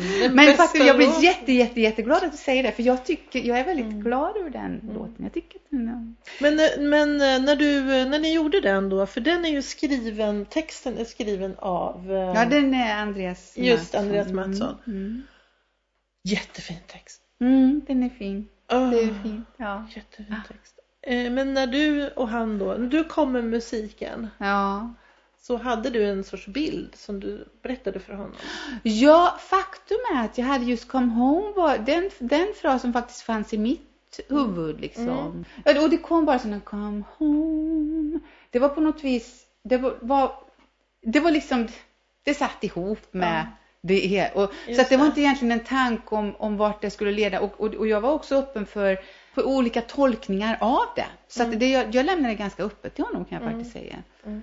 Och sen en annan sak som jag tänkte eh, fråga om, eller det är det här otroligt snygga pianosolot som börjar medan du fort, fortfarande Ja. sjunger. Och Ja. det är så snyggt. Att det får puttra fram och puttra Ja. fram och sen kommer det ut och, och han spelar ju som en flod. Ja, ja men det är Man jätte, jag håller med. Ja, jag ja, tycker man- att det är jätte, jätte, jättefint. Och också det där, hur ska vi bygga? Alltså man ska maxa, alltså så här, för jag tycker att jag har väldigt svårt att matcha någonting som ska bara ska maxa, maxa, maxa, maxa. Mm. Så det var också så här, att när vi kommer tillbaka, vi måste, det måste hålla sig, det måste finnas en, en subtilitet och ett, och att det är lite återhållet. Så det som jag tycker, jag älskar ju Brad Meldow, eh, en pianist. eh, Jag tycker han är helt fantastisk. Och det som jag, som jag liksom älskar så mycket med det, det är att det aldrig, att det alltid finns en liten åt, alltså så här, man, det är liksom som att det, det spricker, det trillar aldrig isär liksom. Det blir aldrig, aldrig, aldrig, aldrig vulgärt. Mm. Aldrig någonsin. Mm. Utan, utan det tycker jag då, men det är Mm. min smak. Och jag tycker, och det är också så lätt, för det är så lätt att det kan bli ja, men, vulgärt. Men liksom att man säger, åh vi ska bara ösa så. Ge järn, alltså för de första skivorna som jag tyckte så här, åh, det- då var det bara så här, det ska ha energi, det ska bara få, och det ska bara ut med all energi. Och grejen är den, för det har sin charm det också, men nu kan jag känna så här, jag kan, orkar inte riktigt matcha det om det bara Mm. skulle spricka liksom så här. Så att jag, jag tycker att och det tycker jag att Jonas Östholm, de spelar piano, att det, det är så bra bygg. För det är, det är liksom, det flödar men det samtidigt, samtidigt så är det inte så här att det bara går överstyr. Liksom. Och det kan man ju ha olika åsikter om. Det är kanske härligt när det går överstyr, men jag tycker att det, det finns en, jag tycker att det finns en enorm spänning i det. Ja, det tycker jag också. Eh, däremot, det som är intressant med vissa låtar och till exempel den att den har vi inte gjort så mycket live faktiskt. Kan jag förstå. Precis, det, det är väldigt det är besynligt hur vissa liksom inte Ja men de kräver sitt sammanhang. Mm. Och då kan man inte slö, då kan man inte spela dem hur som helst. Liksom. Nej. Faktiskt. Mm. Så känns det. Mm. Nu kommer jag säga Ricky Lee Jones. Säger, vad säger du då? Ricky Jones. Ja, då säger jag eh, att jag var ja, besatt är väl ett överdrivet ord, men när jag gick på musiklinjen så upptäckte jag Ricky Jones Mm. och var verkligen, det var den där skivan uh, Magazine. Mm, Och jag vet inget om henne. Mer än att jag tror att du har sagt att det är en stor inspiration. Ja, ja. ja men då var det, jag tyckte att det var helt, ja, jag, jag tyckte det var, det var totalt, alltså jag, jag och det var den första jag hörde. Sen så började, började jag lyssna på de äldre sakerna av henne. Men, men den skivan eh, var verkligen Vilken skiva var det? Magazine heter Okej. den. Nej men det var fantastiskt därför att hon Ja men det, jag gillar hennes eh, hela, hela hennes stil. Alltså då hade jag börjat lys- lyssna på jazz och var och eh, många, så här, jag, jag älskar Sarah Vaughan till Mm. exempel. Och, och man lyssnar liksom på mycket ja, men så här amerikanska liksom svarta sångerskor med så här skön, stor, härlig röst och sånt där som jag inte, som jag känner att jag så här, det här kan inte jag, som jag älskar, men Mm. som jag verkligen känner att jag, det här kan ju inte jag identifiera mig med överhuvudtaget. Och så kom Ricky Lee Jones och då var det lite så här, nej men jaha, så där Mm. får man också låta. Hon har Mm. mycket liksom tunnare röst. Och sen så det som jag tyckte var, som jag älskar så mycket var också det där, för hon, hon sjöng så mycket, hon sjöng ju stämmer med sig själv och Mm. har gjort en massa pålägg. Och ehm, jag har alltid tyckt att det är jätteroligt att sjunga stämmer. Mhm. Jag bara tycker det. Jag tycker att det är jätteroligt. Jag bara alltså, sjunga julsånger eller sommarsånger eller så här, ar, fyrstämmiga körar eller, eh, eller lyssna på Take Six. Eller, jag, jag tycker liksom att det är jätte, jätteroligt. Mm. Men sen så tycker jag också att det är väldigt, eh, ja men är det bra så tycker jag väldigt, alltså jag, jag, är, jag, är- jag, jag är verkligen en, en, jag faller verkligen väldigt lätt för den. Jag tycker Mm. att det är snygga stämmer. Eller, Mm. så, eller i popmusik eller soul och så det bara, åh vad bra det är det här. Eller doakör och sånt där. Men, så, att jag, så det var väldigt, det var väldigt mycket det faktiskt Mm. som jag föll för och tyckte Ja men det, det var också lite inspiration faktiskt att så där skulle man ju kunna kunna göra själv. Kanske inte precis så, jag menar, det var en fantastisk skiva, men just bara sådär att man kunde, ja det här kan man hålla på med och göra pålägg och grejer. Och, och på den tiden så tyckte jag ju det här, det var ju, det här var ju för länge sedan, det var ju 80-tal. um, ehm, och sen senare så kom väl Porta-studion då, då tyckte jag ju fortfarande att det var roligt att hålla på lite med sådana apparater liksom. Mm. Men det var väl ungefär, Porta-studion var väl, det var väl ungefär så långt jag kan sträcka mig vad gäller det tekniska. För sen så tycker jag att det är supertråkigt. Jag tycker att det är liksom, aha, ska man lära något datorprogram eller bla. Ja, nu kommer jag lite på sidospår här. Men jag tyckte att det var väldigt, jag blev väldigt inspirerad av att hon, att hon hade gjort um, Ja men att hon sjöng med sig själv, att hon hade gjort mm. alla stämmor och att hon la, gjorde pålägg och mm. att det var mycket, mycket den grejen. Sen så är det ju mm. fantastiskt. Ja, så är det ju väldigt men jag tycker det är fantastiska mm. låtar. Och... Ja. ja, men det var en period faktiskt. Men sen så, sen så var det ju så att det var ju inte bara jag som gillade henne utan det kom ju en massa annat och sen så kom det då, kanske som jag upplevde, en del kopior på mm. Mm. henne liksom. Um, ja, helt enkelt. Som inga ju egentligen var väldigt nämnda. bra. Mm. Nej, inga namn nämnda. Inga namn okay. Nej, men som jag egentligen tycker var väldigt bra. Mm. Liksom sådär. Men, men som jag kände, det var lite som eh, då, då så jag tröttnade lite på, eller ja, men man kan säga så här, som var väldigt bra, men men däremot så märker man då att man kanske tröttnar lite på original. Alltså allting låter så pass lika. Ah. Man kommer in, det är, så, ja, men det är ju som vad som helst. Björk om man tar, när, när Björk kom, sen så kommer det massor av människor som sjunger som henne. Ah. Och kopior, det låter ju så, så um, liksom negativt att säga så, men säg snarare då människor som är inspirerade av henne. Om man mm. säger så, för det, det, är lite, för det är ju så det är. Man blir ju inspirerad av någon. Precis som Rick Lee Jones var en stor inspiratör för många. Ja. Eh, men så om det då blir väldigt mycket den riktningen på någonting då kan man känna att man kan tröttna till och med mm. så man kan tröttna på originalet liksom. Ja. Eller ta nu så här, inte vet jag, um, Adele eller, ja men Adele är jättebra, eller Amy Winehouse. Jag, jag tycker att alla de är liksom, att det finns så otroligt många bra, väldigt, väldigt bra sångerskor nu. Ja. Sångare också, men det är mm. sångerskor och man, man har lättare identifierat sig med sångerskor liksom. Och, och då, ja men det där är ju knasigt för det är ju helt naturligt att om man älskar någonting så blir man inspirerad och så kanske man blir påverkad av det. Mm. Men så kan man, kan jag ändå känna att, åh nej men nu låter ju allting så där. Jaha, oj nej nu har det kommit någonting nytt. Jaha, det låter precis som, och så blir man mm. lite så här blasé och trött mm. liksom. Och det är ju synd. Um, så det var lite så, det kom en sån period, inte med en gång, det, men det tog verkligen några år, men som jag bara kände att jag blev lite, och så här, nej, oj, jag, och nu har jag, orkar inte lyssna så mycket på, på henne längre. Men det går ju över, för sen så helt plötsligt när man, så är det ju ofta tycker jag, att man är någonting mm. som man kanske har älskat och sen så går det över eller man tröttnar lite grann kanske och sen så, så lyssnar man så går det ett tag och så lyssnar man och så bara oj vad bra det här är, tänker man då. Precis. Och det är ju härligt. Mm. Joni Mitchell? Ja, jag kan säga att jo, Joni Mitchell kom in mycket senare mm. i mitt liv. Och faktiskt inte på det, jag har inte varit en sån där, eh, jag tycker att hon är jag, jag, tycker att hon är fantastisk. Också kan jag mm. verkligen säga. Och kanske egentligen mer, hon har gjort mer, eller ja, gjort mer, usch nu känner jag att jag är ute på hal Jo men det har hon väl, hon har gjort mer än vad Ricky Lee Jones har gjort och varit kanske i funnits längre tid och varit mycket mer liksom konsistent eller vad man, vad säger man, liksom alltså, ja men det har pågått liksom hela. Mm.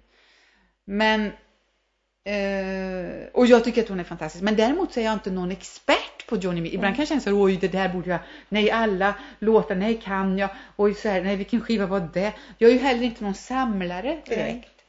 Mm. Eh, så att jag, eh, jag kan liksom inte allt om Johnny Mitchell sådär. Nej, men jag, nej men, nej men alltså det är så många som kan det tycker jag. Det känns som att, ja men den där skivan och den och det och det konceptet och jag så här, Åh. Men, eh, nej men jag tycker hon är helt fantastisk. Och, eh, Ja, till exempel Big Yellow Taxi som, Som är med. Då. Ja, precis, den är med och det, det, den är ju en väldigt ehm, Ja, den, den, den, den är väldigt, alltså den är ju, det finns ju många versioner av den, men det är ändå sådär liksom, ja men det, det, här kommer en version till. Vi tar den. Vi tar liksom. det. Ja. För att man gillar låten och så, till, ibland så tänker man åh, man ska vara så noggrann, liksom, men det här kan man inte göra. Så här, och så bara säga, man vad gillar den här låten, nu tar vi den, den Mm. får vara med. Mm. Liksom. Så. Nej, men så kan man ju känna. Jag är en stor Johnny Mitchell-fan och då blir det någonting onåbart sådär. Ja. Man, det får man inte röra. Nej, visst, Det är absolut. ganska härligt när man känner att jo men det kan vi nog göra i alla Ja. fall. Mm. Nu kör vi de här låtarna så Mm. får det bli det det blir liksom. Mm, mm, Men eh, det är lätt att man hamnar där. mm. Eh, Men visst gjorde du på någon tidigare skiva den här eh, Goodbye Pork Är- Goodbye Pork Pie Hat. Ja just det. Absolut, den är Den har med inte hon på... skrivit men hon har ju skrivit texten. Ja, ja. exakt ja. Uh, ja, är inte den på min allra första skiva, Kanske tror det. jag. Jag tror det.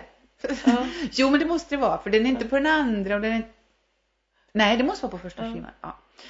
Och sen så har jag faktiskt på, på, det kanske man inte tänker på för den skivan är så kon, äh, konstig ska jag väl inte säga, men den är lite annorlunda. Den som jag gjorde med eh, Radio String Quartet Vienna, Mm. där gör vi faktiskt The, the Drag Cleaner from Des Moines. Ah, ah. Ett, väl, ett helt out-arr får man ju säga. Det är ju med, bara med stråkkvartett liksom.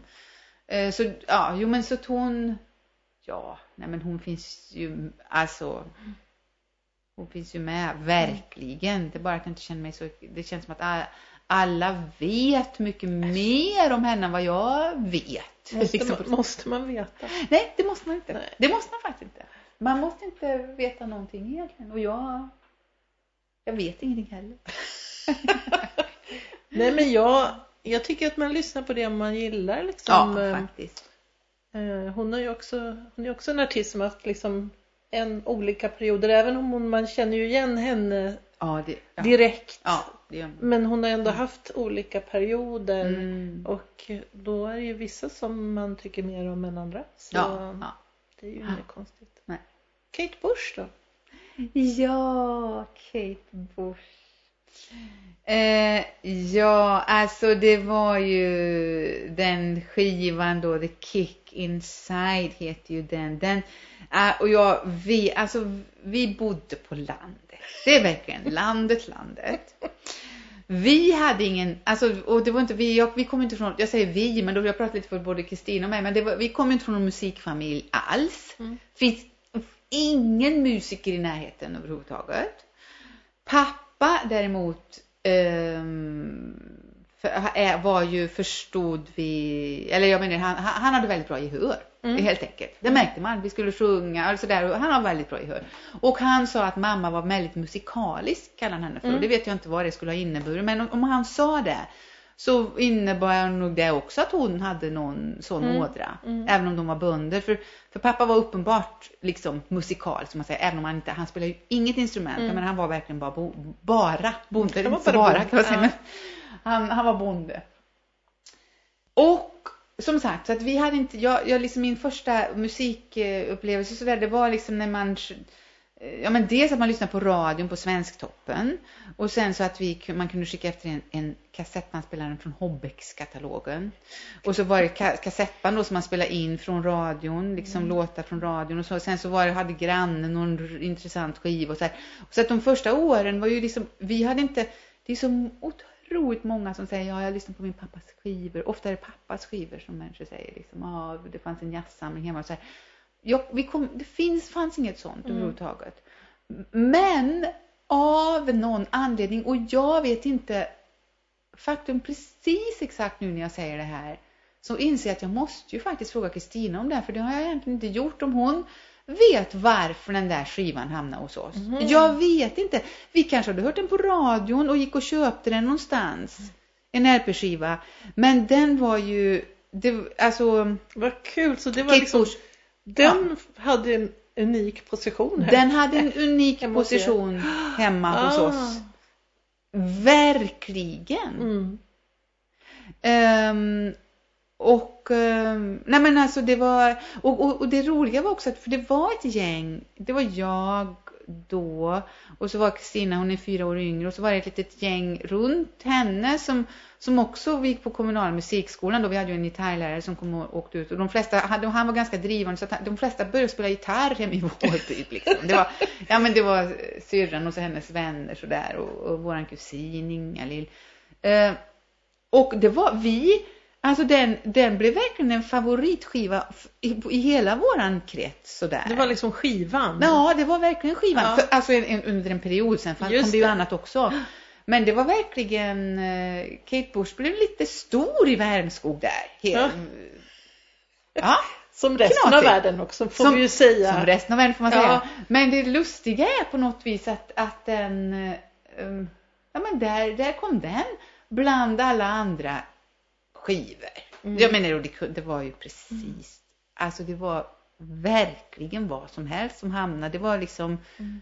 eh, någon granne som kom med något eller någon låt som man spelade in och någon artist som man inte visste vem det var så hade man någon låt, jaha är den här och det var hej och hå mm. verkligen. Men Kate Bush var med. Titta här.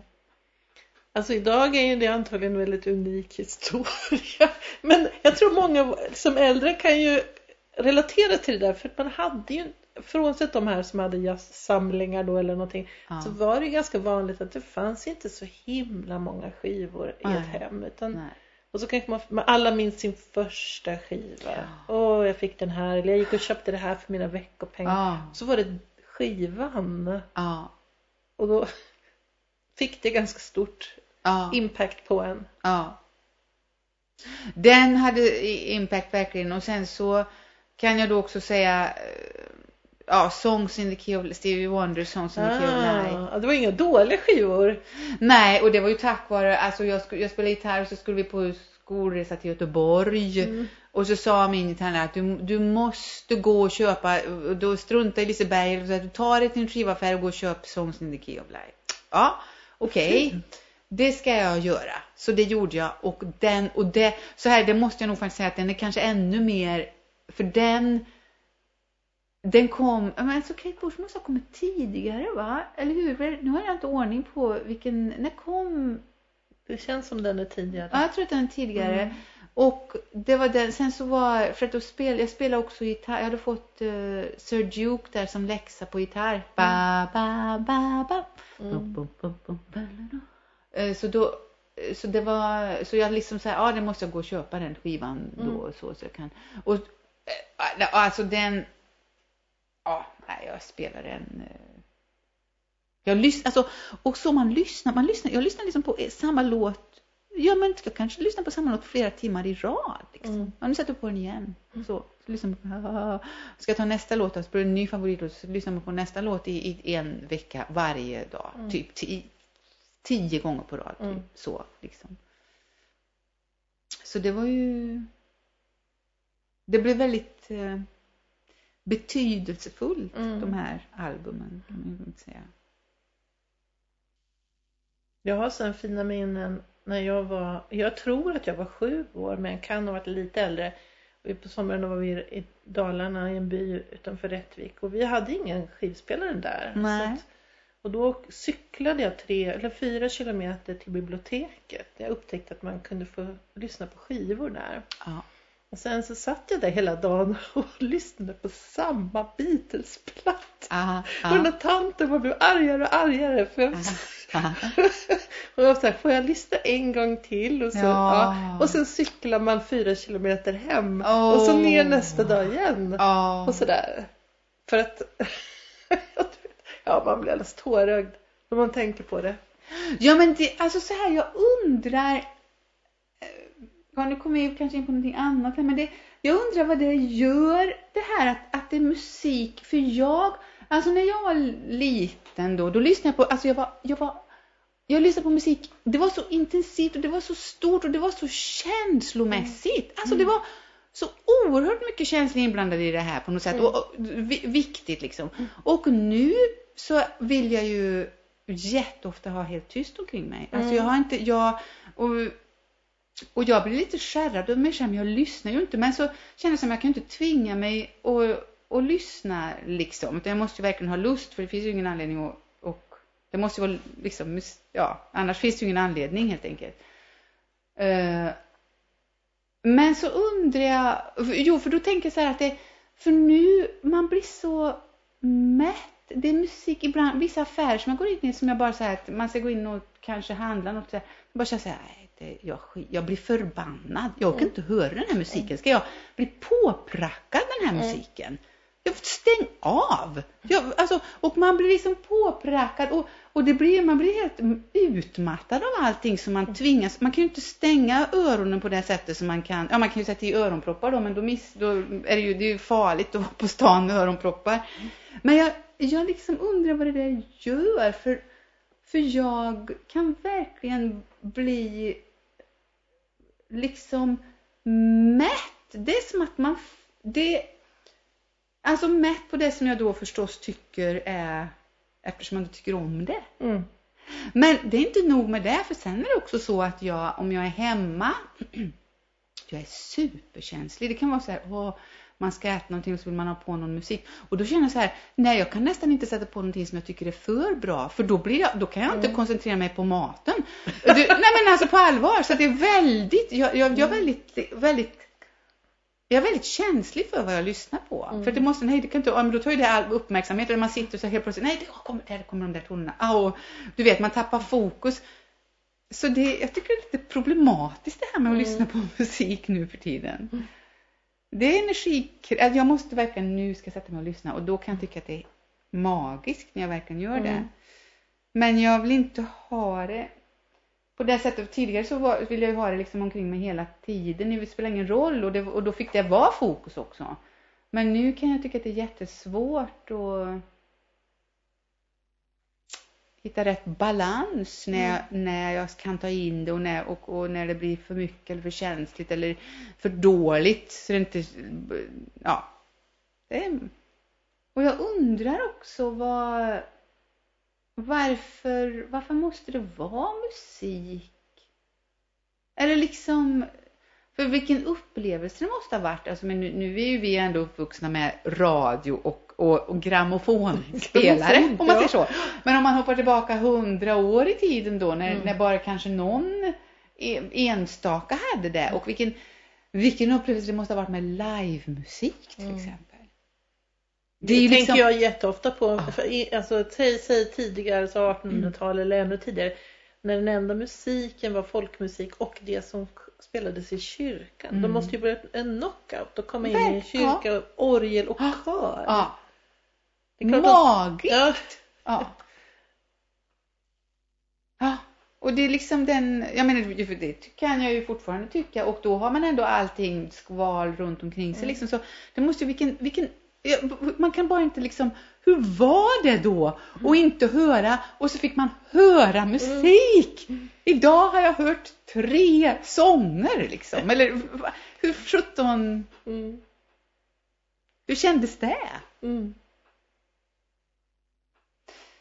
Där är det svårt att hamna nu. Om man ja. inte flyttar ut i, bor, bor i något tält i skogen kanske. Mm. Utan då en, en telefon eller något. Liksom. Mm. Det är ju musik överallt nu. Mm. Helt enkelt. Mm. Jag tänkte, det har du säkert fått samma fråga många gånger, men det här med att spela med du spelar, sjunger ju då med olika musiker men samma musiker nu de här tre som du hade på skivan. Mm. Det är ju Martin Höper och Chris Montgomery och mm. då Jonas Östholm. Har ju du spelat ihop med ganska många år. Ja, och samma musiker nu de här? Ja, det betyder... Eh, alltså det ger ju en väldig eh, trygghet får man säga. Och eh, det som är positivt med det det är att man, nej man känner varandra väl och man, man kan lita på, man kan verkligen eh, liksom Ja men det är så, det är så underbart att få känna sig bara så här, ja vi kan gå upp och spela nu. Och låtarna blir, som sagt, det blir ju annorlunda live än vad det är på skiva, saker och ting. Och det kan vara, det kan bli, det kan bli lite hur som helst. Och det kan Mm. bli, vad, vad gäller över, övergångar från, med olika låtar, intron eller solon eller så här, att man bara så här, och, det- och man känner så här, det kan, det kan, det, vi kommer att höra, ehm, vad som än händer så kommer vi Mm. och hör, alltså vi hör allihop. Vi, vi, vi kommunicerar helt enkelt på ett väldigt härligt sätt. Man hör allting, man hör vart... Det är liksom som en... Um, ja, en, eh, något, jag inte jag ska lika, alltså man är, man är nu, vi, är, vi går i, vi sätter igång och då är vi ihop som ett liksom och, och hör och förstår varandra på något sätt. Jag tycker att det är underbart. Sen kan man ju säga det, det som skulle vara negativt då, det är ju att man skulle, att man, det kan ju vara intressant att utmana sig själv och bara och bli överraskad och men grejen att det blir man även i, med, när man känner varandra. Liksom. För man kanske tror att det ska vara, men det är det inte. Det händer alltid något nytt. Liksom. Jag har aldrig till exempel Jonas, liksom, alla de, alltså intron som har gjort på pianot, han har ju inte upprepat sig, alltså det blir ju alltid någonting nytt. Och det är väldigt inspirerande och jag hoppas och tror egentligen, alltså om man bara lyssnar så där lite allmänt så kanske man tycker att ja, men det låter ungefär likadant. Men om man är väldigt i musiken och inne i det så, så upplever man ju alltid som att ah, det är nytt, åh vilken fantastisk kväll vi hade ikväll eller sådär. Mm. Men jag ska också säga så här, jag hade, alltså dels så när jag hade mitt New York-band då, eh, som jag spelade in de två första skivorna med, sen så flyttade jag tillbaka till Sverige och då var jag ju tvungen att, det var ju för krångligt att ha ett New York-band, så då hade jag ett svenskt band då. Och det höll jag ihop ganska länge, men då så kände jag att, att det, um, när jag liksom, eh, vad ska man säga, gå,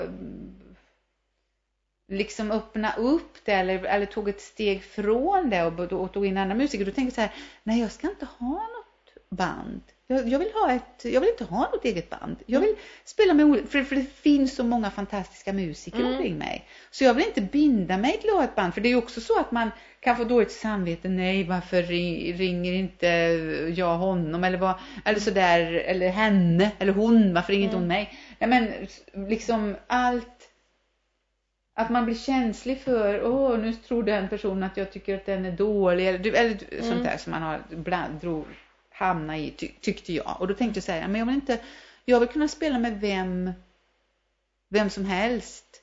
Ehm, fritt helt enkelt. Mm. Och, och, och, och det, ja men en fri, jag tyckte det var en frihet där. Men sen så, det här bandet som jag är nu, det, jag kan nog faktiskt säga eh, att det råkar bli så. Nej men man upptäcker att man, ah shit vad jag gillar det där Mm. spelet. Och, jag, och, och sen ska man ju dessutom sitta i turnébuss och sitta och gå, vara på Arlanda klockan fem på morgonen och veta, lita på att de eh, kommer dit också. Och, nej men det är ju många, det är liksom andra parametrar. Nu tycker jag i och för sig musiken ska alltid gå först. Nej men, men ändå liksom, man, man, allting hänger ihop för blir man det påverkar ju också musiken, hur man mår. eh, Åtminstone för mig så gör det det, liksom, hur jag mår Mm. privat också. Och det, det, allt annat spelar ju in. Liksom. Men så det var nog faktiskt så att det, att det här råkade bli att jag upptäckte att men jag, oj vad jag trivs bra med Mm. de här. Och sen så, och då har det liksom bara blivit naturligt. eh, Så, så att det här var inte något för, och jag ska spela med honom och honom och honom. Eller jag ska, nu då för att det är tre killar liksom. Men, och, och ja, faktiskt, vilket jag, det här är också ett sidospår, men jag också tänker så här, nej men jag skulle vilja blanda upp det också, att man skulle blanda upp sitt band liksom rent, Mm. eh, alltså, det ska att det vore härligt att ha tjejer i bandet också, på, av, av, av många skäl helt enkelt. Men, men nu har det råkat bli så att jag, ja, men jag spelar mycket med dem, man trivs med dem och, så bara, och då så fortsätter det liksom. Men så att jag, alltså jag är superglad och nöjd med dem. Och Mm. det, det, ehm, jag har ingen plan på att egentligen ändra någonting. Men man kanske, ja vi får se vad som händer. Som sagt, det finns ju många, det är ju verkligen så att det finns, alltså det finns så mycket musiker som jag skulle vilja spela med också. Mm. eh, som jag tycker är fantastiska. Så att det är men nu i alla fall då, det var väldigt, på plattan så var det faktiskt väldigt, så jag är väldigt glad över och till exempel att Lisa Långbacka var med Mm, och eh, Margareta det. Bengtsson. Margareta Bengtsson. Ja, precis. Så det var ju liksom som en liten Ja, men, men vi får se, ja, jag får se. Jag vet, jag har ingen, jag har, det är inte någon sån där långsiktig plan att det här är mitt band, det är det här som jag, men jag trivs väldigt bra Mm. och um, Och det låter ju fantastiskt. Ja, det gör det. Och de trivs ju väldigt bra ihop Mm. med varann. Mm. För så måste det ju också vara. Mm. Alla ska liksom Ja, men så, ja, så att det, det, det är skönt.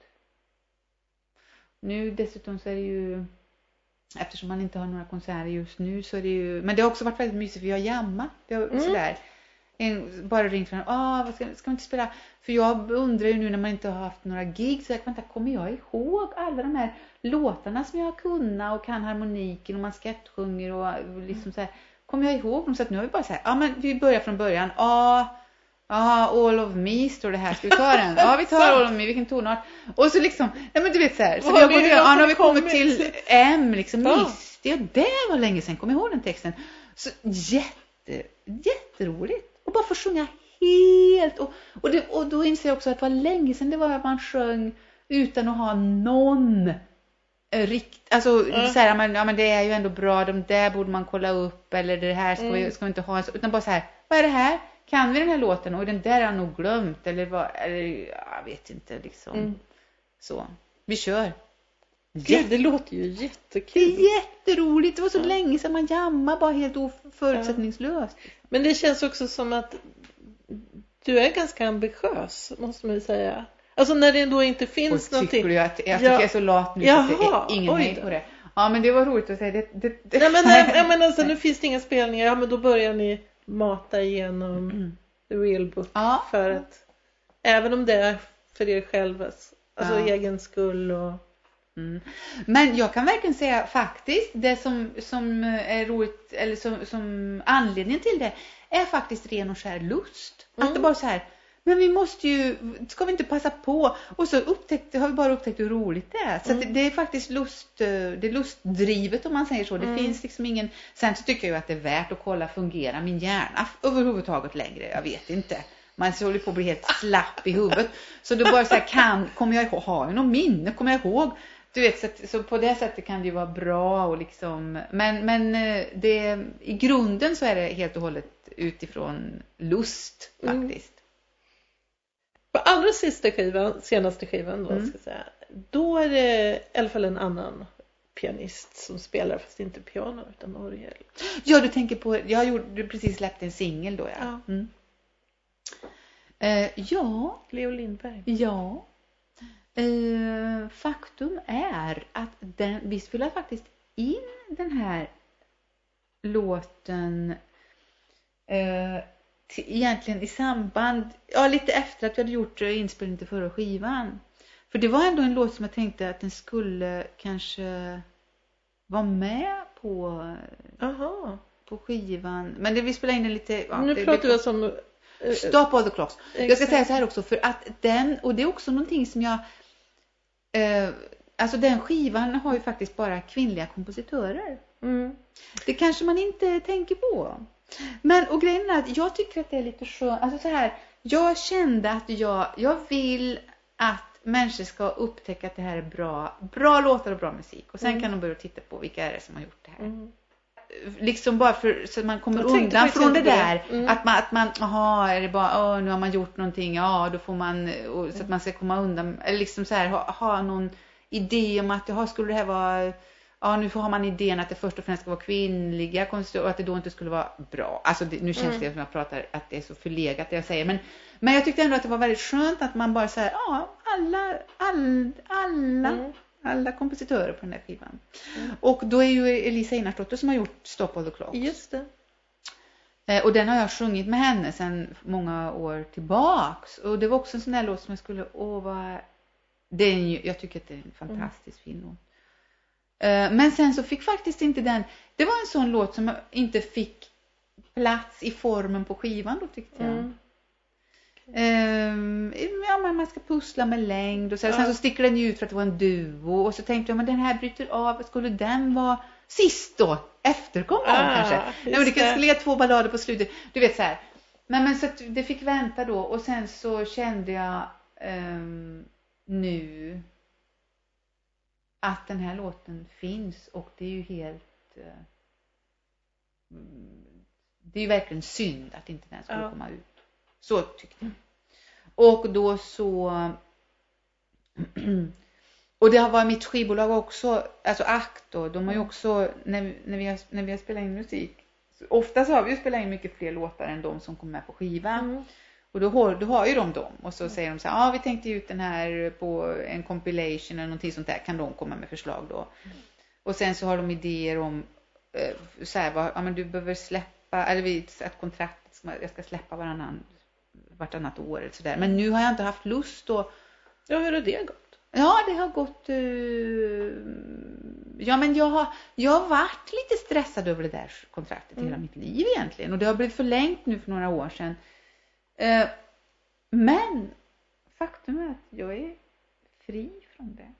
Och jag är jätteglad för det. Och jag är kanske helt... Jag pratade med någon, ingen namn nämnda, som, som var helt, som jag sa, fattar du, jag har inte mitt kontrakt har löpt ut. Men det känns du inte, blir du inte orolig? Jag bara säger orolig? Det är ju superskönt. Nu kan du ju liksom eh, tänka helt fri. Och, och, jag, och jag tror nog att jag egentligen har möjligheten att, att förlänga det om jag vill det. Men just nu så känner jag att det är ganska skönt. Ja. Så, att jag, för då, så nu har jag inte någon press på mig liksom. Men de ville i alla fall ge ut den här låten och det ville jag också helt Mm. enkelt. Vi pratade med varandra. Och, och, eh, så att jag är väldigt glad. Det känns väldigt roligt. Det är ju, jag har ju aldrig släppt en singel i mitt liv hela, någonsin heller. Och det är inte, ja, Känns- singel, det är på Spotify, det är bara att det kommer ut en Mm. låt. Men, men det känns bra. Och, Mm. och, och, och Leo är ju, alltså, han är ju helt fantastisk. Mm.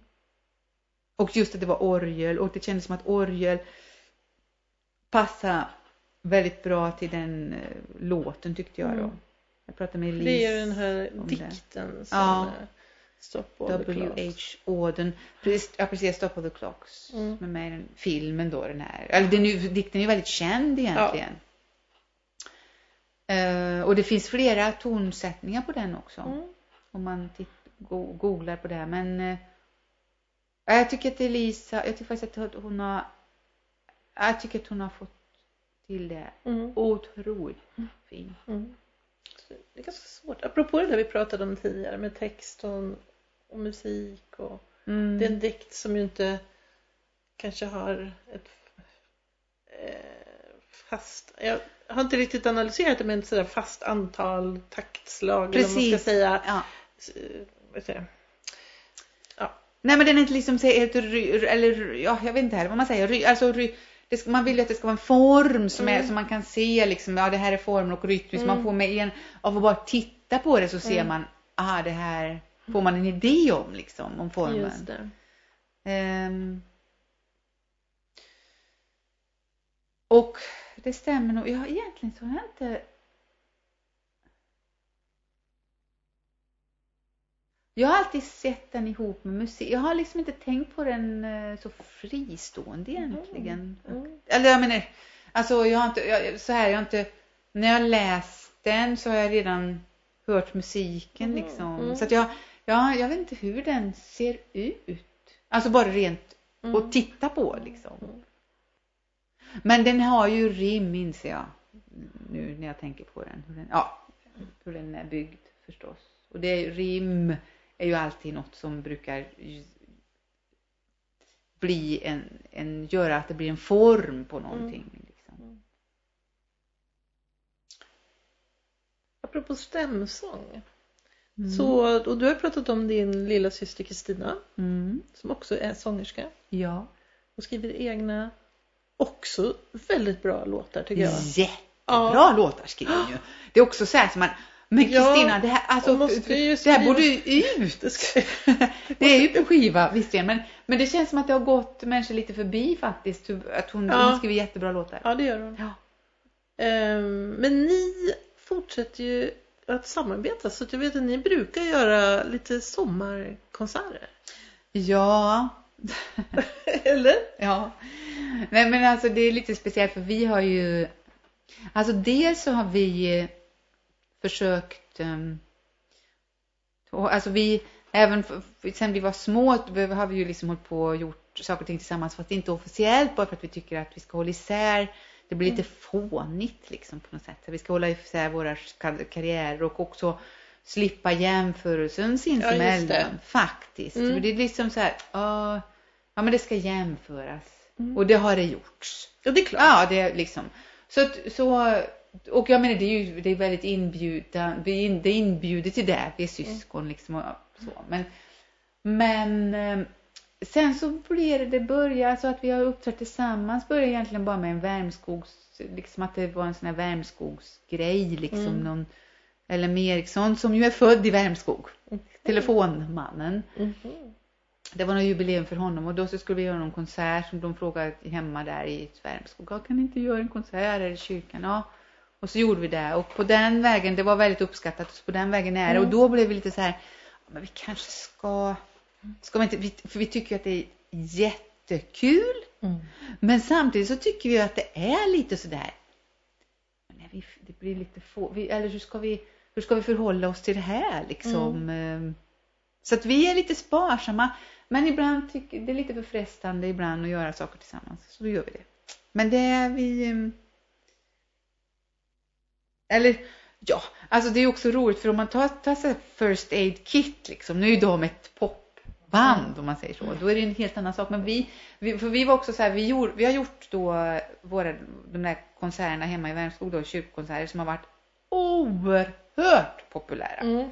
Alltså det har varit smäckat, vi har fått göra liksom tre på rad och det är smäckat med folk och det är uppståndelse i bygden. Och, ja men det har varit liksom, och kaféet som finns i hembygdsgården, de drar in pengar och ja men det har varit liksom jätte, det har varit ganska stor happening varje sommar. Mm. Men så beslöt vi att lägga ner det då för dels för att pappa, eh, några år efter att pappa dog, för han var också så himla, människor ringde ju till honom och skulle beställa biljetter ett år innan och han satt i telefon och ja men det var, alltså, ja. Det, det har varit väldigt roligt men till slut så kände vi så här, men alltså vi kan ju inte hålla på, det här blir för fånigt. Ska vi stå där som pensionärer liksom ja. och sjunga på, nej men ja. Ja, men framförallt så berodde det nog faktiskt på att pappa liksom dog och att det var så mycket sorg i, ja men nu, nu är det liksom, vi måste någon gång vi kan inte hålla på med det här i evighet tyckte vi. Så att vi tyckte att vi lägger av när det går, när vi har pikat liksom. Och så att vi gjorde, vi, det kan man nog säga att vi gjorde, det var väldigt känslosamt när vi bestämde oss för det här är sista konserten. Vi de människor grät och vi grät. Det var liksom... Nej, men, ja, men det var så, det var så stor grej faktiskt. Men i varför... vårt lilla, vår lilla bygd. Liksom. Kan det inte bara få vara roligt? Jo, det kan det också. Vi, så här, jag ska inte säga att inte det här... Jag tror alltså just de konserterna som har kommit varje år då runt midsommar, de, de är nog, i alla fall i den formen som vi har haft dem, de har varit otroligt lekfulla liksom. Mm. Och vi har bjudit in lite gäster liksom, mm. som har varit med. Och vi har dessutom passat på att spela alla instrument. Jag spelar både bas och trummor på de här bas och trummor och gitarr på de här konserterna och vi spelar shaker och ja men lite, lite hej och Men väldigt, väldigt roligt. Mm. Och det har också varit det som har varit uppskattat tror jag att mm. det har varit så lekfullt liksom. Eh, men jag tror inte att det liksom kommer tillbaka i den formen. Men däremot så kommer Kristina och jag att sjunga tillsammans. Mm. Självklart, det gör vi ju. Och vi gjorde det senast i, men vi hade någon konsert i augusti nu mm. liksom för ett halvår sedan. Så det kommer att ske, men det, eller det tror jag verkligen. Nu vet man ju inte någonting om vad som kommer att ske. Nej. Men jag, det, vi, vi tycker att det är väldigt kul att sjunga tillsammans. Mm. Ja, men jag tänker att det är klart att folk håller på. Det, det blir ju både naturligt och lite löjligt att jämföra men eh, man kan ju strunta i det mm. och göra bara för att det är så himla roligt. Ja, precis. Tänk att ha en syster man kan sjunga med ja, och folk men... vill komma och lyssna. Ja, ja. Nej men alltså det, det är, jätte, helt galet ja, roligt. Ja men det är jätteroligt. Och, ja. vi, och liksom att sjunga stämmer eller sjunga unisont. Vi tänker lika och vi har helt, eh, det tar ingen sekund alls mm. och bara så här, hur ska vi frasera? Ja men vi gör så här, ja men den tar vi där. Ja, har vi, vart lägger vi, eller var, hur börjar vi den här? Och även om det liksom, ja men det, det är jätteroligt. Ja. Det är jätte, jättekul. Ja. Verkligen. Och, nej men vi tänker att vi, vi, vi håller lite exklusivt. Jag tycker vi kan göra Gör som Carola som gör så Ja. exklusiva Ja, konserter. jag Faktum är, ja exakt, då kan vi komma in på en annan grej. Jag funderar på att jag, jag kanske kommer att bli en extremt exklusiv artist framöver för att jag tycker att det är väldigt jobbigt med streamandet nämligen. Yes. Så att, ja, faktiskt. Att, men jag ska inte Vad är det som är jobbigt? Nej, men jag tycker att det är väldigt... Eh, ja, men jag är nog... Jag börjar bli mer och mer eh, gammalmodig, vad jag tänkte säga. Nej, men jag tycker liksom att det live... Dels så tycker jag själv att jag inte kan jämföra live, en liveupplevelse med att sitta och kolla på någonting som är streamat, även om jag tycker att det kan Mm. vara väldigt bra. Men...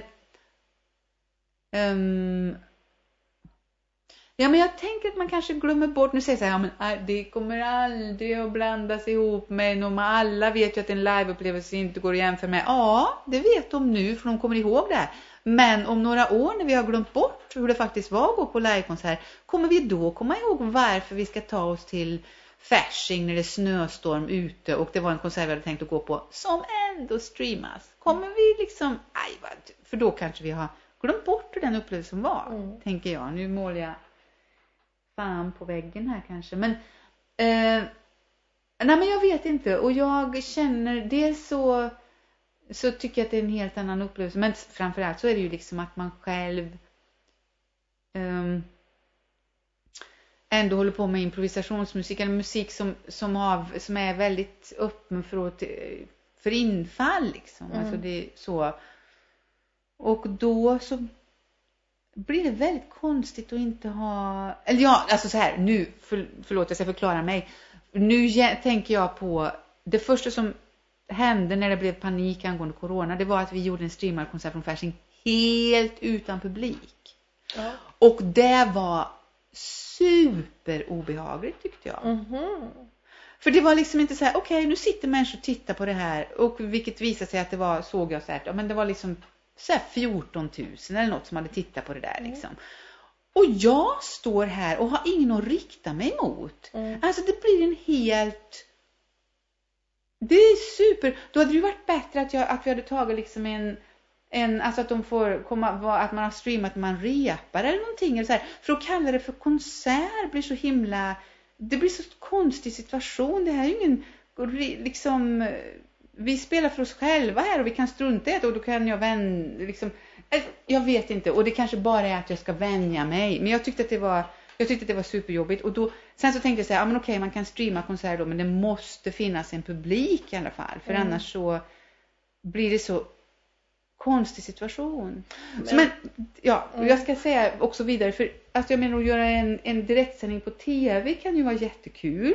Mm. Eller att man liksom spelar in en konsert som kanske sänds senare på något sätt. Super, super, super roligt. Men det här är också väldigt många parametrar i detta. Mm. För att då är det ju också att man, alltså man vet att men okej, det här är jättebra ljud, det är jättebra filmat. Allting är, vi kan lita på att det är liksom bra kvalitet på hela produktionen.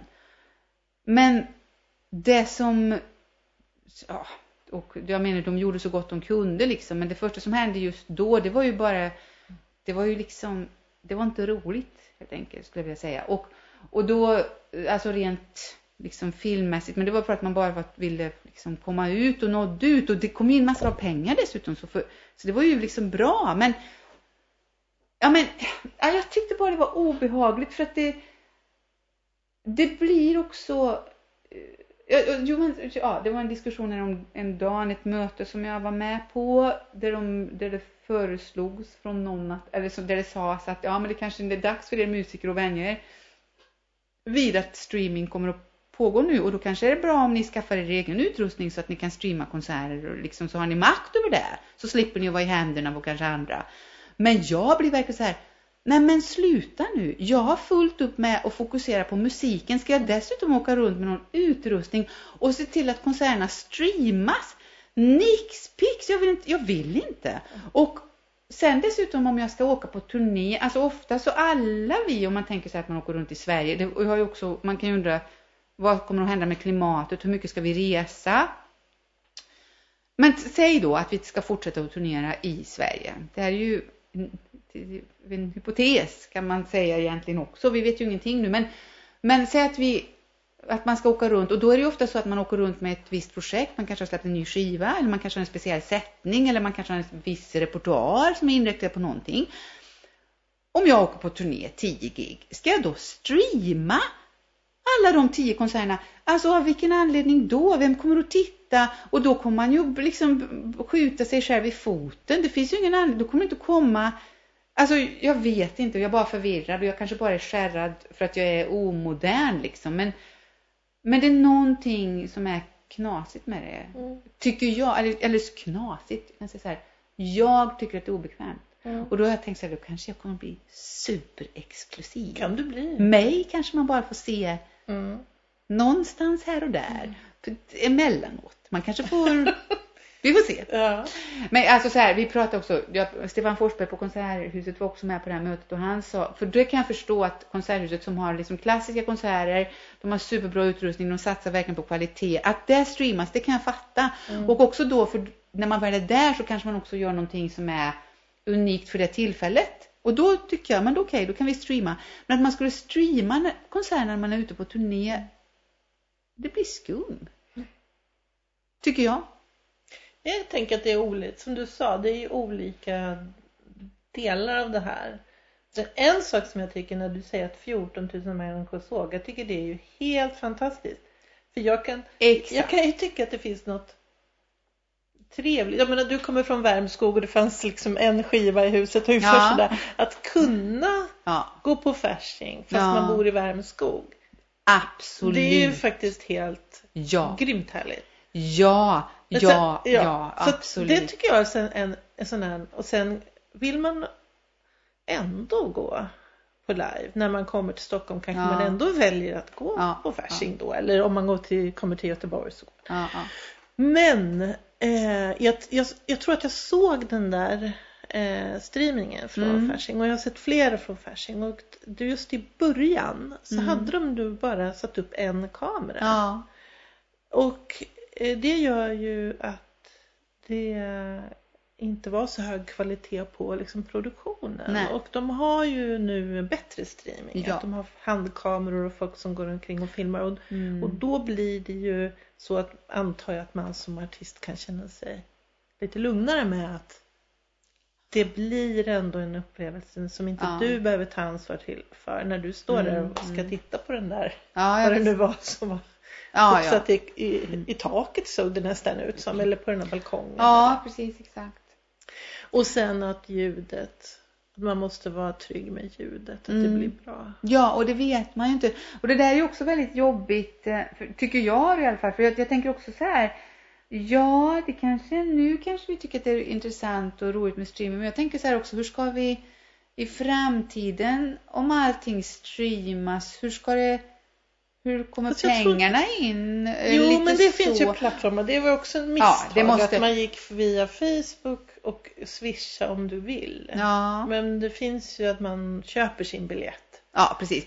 Det gör det. Men sen så tänker jag också så här, vi, ska konserter ligga ute för evigt? Det, det, alltså, jo, vi behöver ja. också ha, men det här är en helt annan diskussion och det, det den här diskussionen finns ju tack och mm. lov.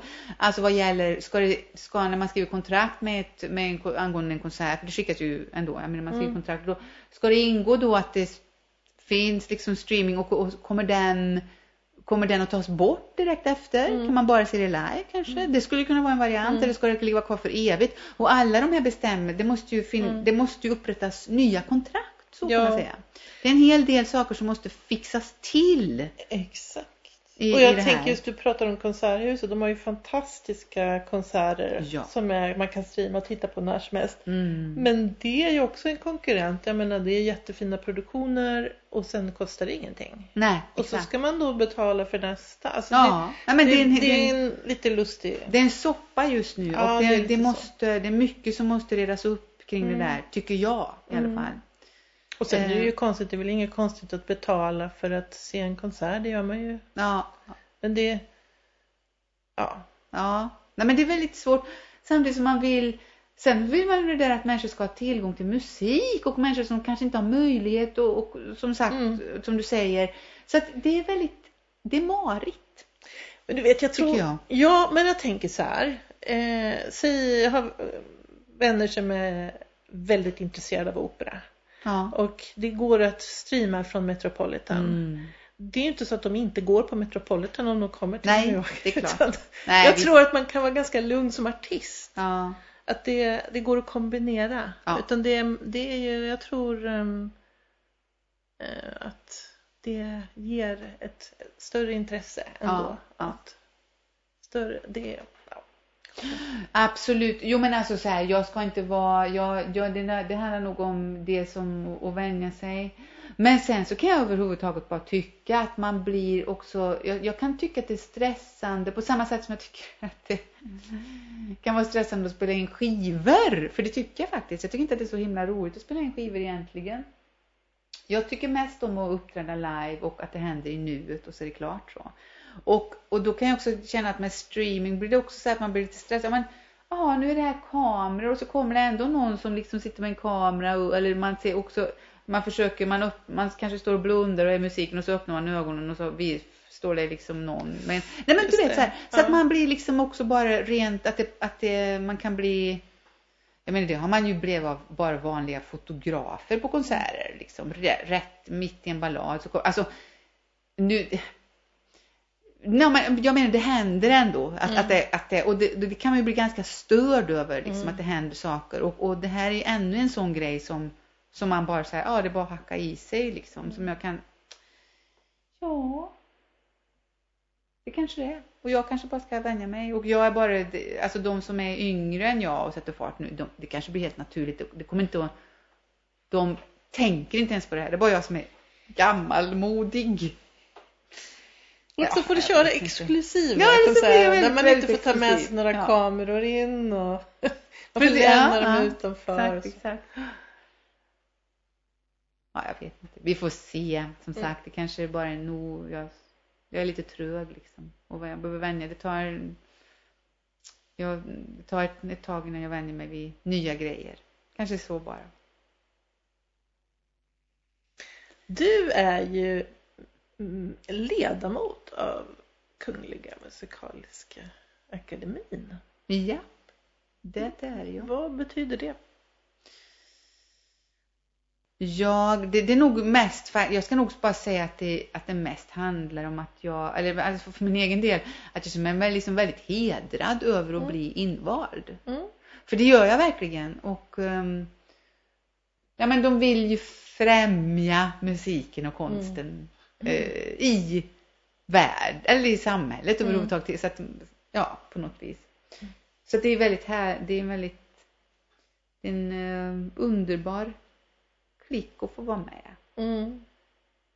Jag har faktiskt gått på um, några sådana där möten och jag har varit på någonting som jag tyckte var fantastiskt och det heter Klingande Akademi. Och det är en, också en ambition som de har att eh, nå ut med kunskap om musik Mm. i form av en och någonting mellanting mellan konsert och föreläsning kan man säga. Mm. Och det kostar ingenting. Det gäller Nej. bara att vara i, i Stockholm när det händer. Ja. Så att det sker då i Grünewaldshallen på Konserthuset.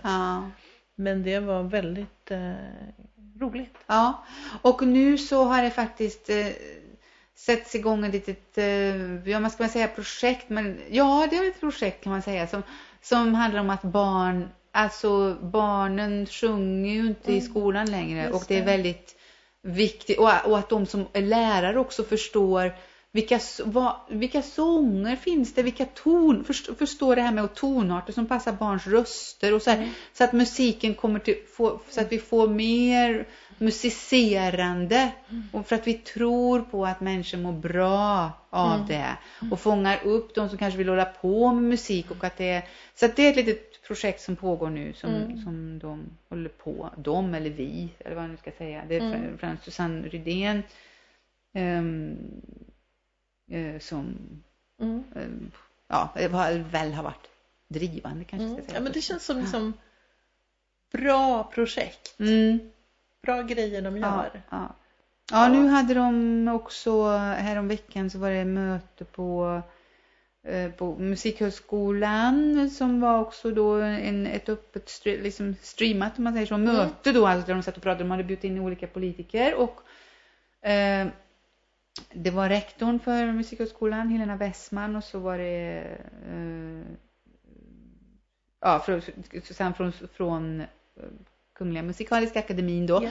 Och så pratar de om jättebra, varför, va, hur är det med musiken i skolan och kommunal musikskolan och, och, och, och, så här, och att det finns så mycket forskning på att när de som håller på med musik blir också bättre på andra ämnen och varför håller vi då på att plocka bort musiken? Varför, varför är det så få timmar? Eller ja, varför håller vi på att plocka bort det helt enkelt? Mm. Och det var verkligen de, då sitter ju de, alla politiker där, ja nej det, ja det Mm. måste, ja nej, men verkligen. Och så man, man gör något. Liksom. Mm. Men, men de var bra, jag tyckte det var jättebra. De var väldigt, det var, kändes som ett bra möte Mm. så här och, och ja, jag vet inte. Nej men de gör bra saker, så kan jag Mm. säga. De, eller vi i Kungliga Musikaliska Akademin Ja, det är bra. gör bra saker. Ja. Du har ju, äh, sa ju förut att du inte planerar särskilt mycket, men vad ser du framför dig? Eh, ja, jag eh, tänker väl att jag, man kan säga så här, jag har två riktningar i min tanke. Dels så har det varit där att jag tycker att jag, oh, men nu måste jag passa på under den här lediga tiden och vara kreativ och skriva nya låtar och så spela in och, och, och hjälp liksom, var, herregud, jag kan inte bara låta tiden gå. Och sen så har, det är en del av mig. Sen så finns en annan del som bara är så här, nej men vänta nu. Jag kan ju bara, vi, nu är det bara att ta, ta hand om mig själv, öva och sen så vet jag, för jag har ganska Ja, men jag får nog säga att jag har ganska mycket bokat till hösten Mm. faktiskt ändå. Det, det har kommit in, verkligen kommit in förfrågningar och saker som har blivit flyttade har ju blivit framflyttade Mm. och det, ja, slutligen så har ju det mesta blivit inställt ändå, men det är väldigt många som ändå trots allt, men vi hoppas vi kör den där turnén till Mm. hösten istället, Mm. eller vi gör det här projektet. Så att, det, så att jag har saker och, och bara hoppas att, att det kommer att komma igång och att jag egentligen bara ska vara, känna mig otroligt tacksam och, och njuta av Kanske att det, ja, men det är en annan tid nu. Då passar jag på att vara lite i stugan i Värmland och rida och öva på Mm. saker som jag inte hunnit öva Mm. på så lite sådär. Men så tänker jag att jag, nå, ja, nej men det, det, i någon, i något sån här nära framtid så tänker jag nog att det ska komma en svensk platta. Ja, vad kul. Men jag är knappt jag vågar säga. Men det är bra att du säger det för då ger jag mig inte en spark i baken. Mm. Samtidigt som jag, nej ja, det här har jag inte sagt. Det här, det... nej, jag vet inte. Nej men jag tänker nog att det ska jag göra. Men jag kan inte, jag säger inte när faktiskt. Utan Nej. det får visa sig, det får komma när det kommer. Men någon gång så, så tänker jag att jag har aldrig gjort det. Och det ska jag nog faktiskt Ja. ta och göra. Ja, Ehm, förr eller senare. vad heter är det? Och för övrigt, finns det någon sån här outtalade dröm som du har? Men Jag skulle vilja göra, för du har ju till exempel gjort plattor, två stycken med en, alltså Legrand-skivan Mm. och så Diane Warwick. Ja, just det, Bacharach. Ja, är Ja. work. Ja, visst, visst. Är det någonting, alltså av den typen av projekt eller någon musiker du skulle vilja samarbeta med eller någonting som är så här, det här? Eh, ja men fakt, nej alltså så här. Det är faktiskt inte så, inte så där superuttalat, eller så här superuttalat. Nej, jag ska inte säga att jag har, jag har inte haft, jag har inte tänkt riktigt på det sättet. Jag menar det är klart Mm. det skulle vara, oj vad roligt det skulle vara att sjunga med Stevie Wonder, typ. Eller så skulle det inte det, för man skulle bli, nej jag kan inte sjunga sån här musik. Nej, jag vet inte. Men, men ehm, eller så där liksom Brad Meldau då, den pianisten som jag eh, tycker, ja, jag, jag älskar Brad Meldau faktiskt. Så det är klart att man så här, tänker "Åh, någon gång eh, att man skulle få göra någonting sådär. Men, men jag, faktum är, jag ska säga så här, att just jag tänker nog ganska mycket så här nu att jag, jag känner mig för det första otroligt privilegierad att jag har fått hålla på med det här, att jag Mm. kunnat leva på det och eh, att jag tänker att jag ska fortsätta leva på det. Och får jag liksom fortsätta i den formen som jag har gjort så, så tycker jag att det alltså då ska jag, jag, jag kan bara vara tacksam. För tittar man på hur tillvaron ser ut så är det ju bara så här, jag, alltså, det är ju, det är ju helt fantastiskt att man får hålla på med det här. Mm. Och um, sen så tänker jag också på att jag blir mer, jag har rest så oerhört mm. mycket och jag är faktiskt lite, um, ja men jag kan faktiskt säga att jag är lite, alltså jag ska inte säga att jag tröttnar för jag älskar att se alltså, så, så många fantastiska platser som man har varit på. Men jag känner så här, jag har fått jag har verkligen rest väldigt mycket och om man ska titta ur ett klimatperspektiv så är, har jag rest alldeles, oj oj oj, hur många har inte jag flugit? Jag borde inte mm. liksom sätta mig på ett flyg någonsin igen egentligen. Jag är nog väldigt glad om jag skulle kunna få fortsätta liksom eh, och kanske, tror eller ej, faktiskt kanske vara lite mer hemma, alltså spela mer i Sverige och kanske, ja men det vore roligt att vara lite kanske mer i Norge och Finland också, eller de när, liksom Danmark, nej men det som, som är lite närmare och inte, och att jag skulle liksom kunna eh, inför mig själv känna att det är okej, okay. alltså ur ett klimatperspektiv faktiskt, för jag vill verkligen jag vill uh, inte, alltså jag skulle önska att man på ett så bra, ja men vi har frestat på så mycket och samtidigt så, jag, jag förstår den här tanken och tänk, försöker att tänka den för mig själv bara för att man ska få rättfärdiga vad man sysslar med, att det är viktigt att nå ut med konsten mm. och det är viktigt och på prata om, och dessutom om jag inte vill streama då, hur har jag då tänkt liksom? Då, får, då måste jag ju resa ännu mer. Säga nej, men liksom, nej men alltså på allvar, det är ju verkligen en, så att, så jag måste reda upp det där för mig på något sätt, men jag skulle jag känner att jag eh, vill försöka få ihop det här på ett sätt som jag kan stå eh, eller liksom må bra i vad jag gör mm. inför, inför mig själv och inför andra och att jag att jag och jag kan inte vara ett undantag från de problemen vi har liksom utan jag, vi får vi måste göra vi måste hjälpas åt nu för att försöka att göra saker och ting bättre. Eh, och jag vet inte riktigt, jag, jag bara jag flummar runt här. För samtidigt så vill man lämna det uppe för att ja, men just jag kan väl ändå få åka till, till flyga till New York och ha en konsert. Eller du vet så här. Så att, och det tycker jag ju, men ah, det rör, det, det är marigt det där. Det är liksom, jag försöker fokusera på vad jag, allt som jag har fått uppleva och vara glad och tacksam över det. Mm. Och eh, Um, och sen som sagt jätteroligt att få sjunga med Stevie Wonder. Eller, nej men jag bara hittar på. Men, men det, går inte, det går faktiskt inte före att jag, att jag tycker att jag vill göra saker och ting lite mer hållbara. Så mm. kan jag säga. Det tycker jag nog är det, det som jag helst av allt vill lyckas med och gå mot. Liksom.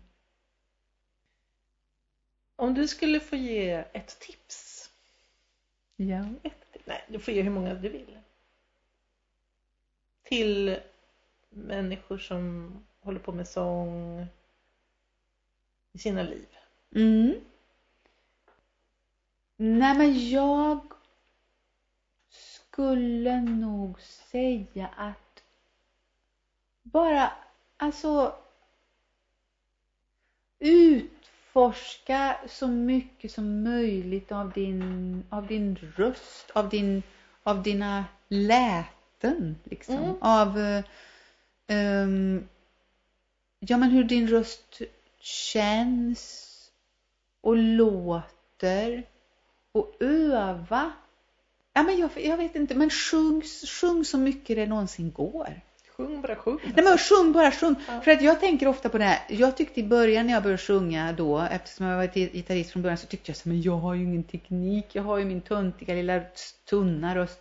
Och, och, och jag, ja men sådär, jag, jag ja, jag måste liksom öva då. Men, men alltså nu så kan jag känna så här, jag, nu i och för sig så är jag faktiskt, tycker jag, övar jag liksom, jag åker verkligen och övar varje dag typ faktiskt. Och, och, men det gör jag mest för att jag tycker att det är meditativt också. Mm.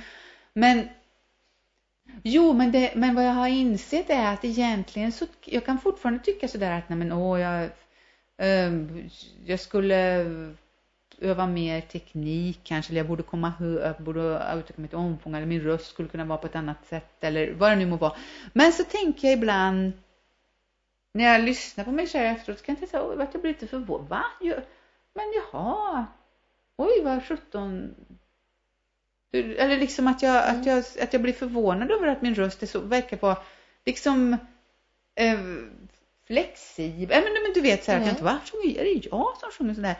Och så, så tänker jag då att det, det som jag kan göra idag med min röst, det beror mer på att jag har sjungit så mycket i mm. så många olika sammanhang att jag, att jag liksom bara har sjungit. Mm. För man kan tänka sig att man ska öva på en specifik sak. Mm.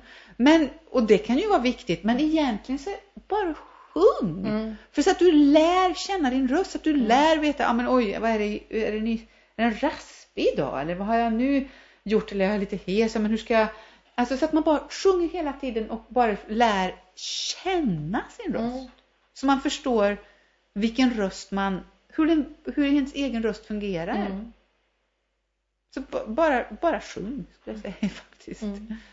Människor som sjunger i kör bara kanske ja. inte så ofta hör sin egen röst. Nej. Så när man sjunger själv och övar så eh, är det ju ett sätt att just koppla ihop hur låter det med ja. hur det känns. Ja. Eh, Exakt. Det är faktiskt, ja, alltså så här, man skulle, det beror på vilka ambitioner man har. För sen kan man också tänka så här att det är ju eh, viktigt att spela in sig själv kan jag ibland tänka. För att man, så här, låter det verkligen så som jag tror att, att jag låter? Mm. Faktiskt. Och sen så har jag, tycker ju, alltså jag har ju alltid varit intresserad av gehör. Liksom. Alltså, mm. alltså, jag tycker bara att det är roligt. Det är lite roligt som, det är roligt på samma sätt som jag kan tycka att det är roligt att lösa sudoku liksom eller någonting. Ja men så här. Men jag tycker, jag tycker också som sång, sångare så behöver man ju också um, öva, alltså det, det, det, behöver ju alla instrumentalister, det är viktigt att öva gehör, men som så, alltså har man ett instrument så kan man ju trycka ner tonerna åtminstone, då behöver man inte liksom, som sångare så måste man ju höra allt man mm. sjunger, alltså man måste ju kunna höra det för att kunna sjunga det, annars så kan man ju inte sjunga det liksom på något sätt. Fast det är ju, jag menar, det är ju en samman, det är ju en direkt koppling mellan gehöret och sången om man säger så. Men så öva gehör är ju också någonting som jag alltid, om jag har haft elever och sådär så har jag sagt, ja men du kan aldrig öva för mycket gehör. Öva mm. gehör, öva allt möjligt, öva intervall, hopp liksom eller så här, eller sjung stäm eller vad, vad, bara öva på alla möjliga sätt du kan tänka ut. Titta mm. på själv liksom. Vad som helst. Allt du gör är bra. Mm. Så det är också en sak. Men, men framförallt att bara använda hela, hela sin röst, hela, alla ens läten och bara känna hur, hur känns den? Hur är den? Är den sjunga starkt och svagt och högt och lågt och låta hur som helst. Mm. För att få en kropps eh, känsla av rösten i sin kropp. Liksom. Mm. Hoppas det kan vara till någon hjälp. Ja, absolut. Rigmor, ja. tack för att du kom hit. Tack så jätte, jätte, jättetrevligt att vara här verkligen. Och, eh, det är intressant att prata så här, få lite frågor, det sätter igång liksom tankar som man har. Det är roligt, jätteroligt. Ja, det är jag som ska tacka. Superkul att med. Ja, men jättetrevligt.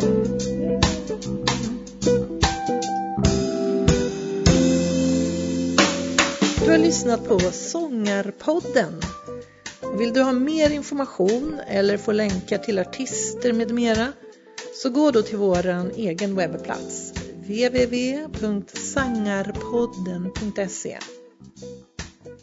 Du som är sångare och tycker att det är svårt att hålla igång din sångröst. Kolla in Icing, din sångtränare på nätet.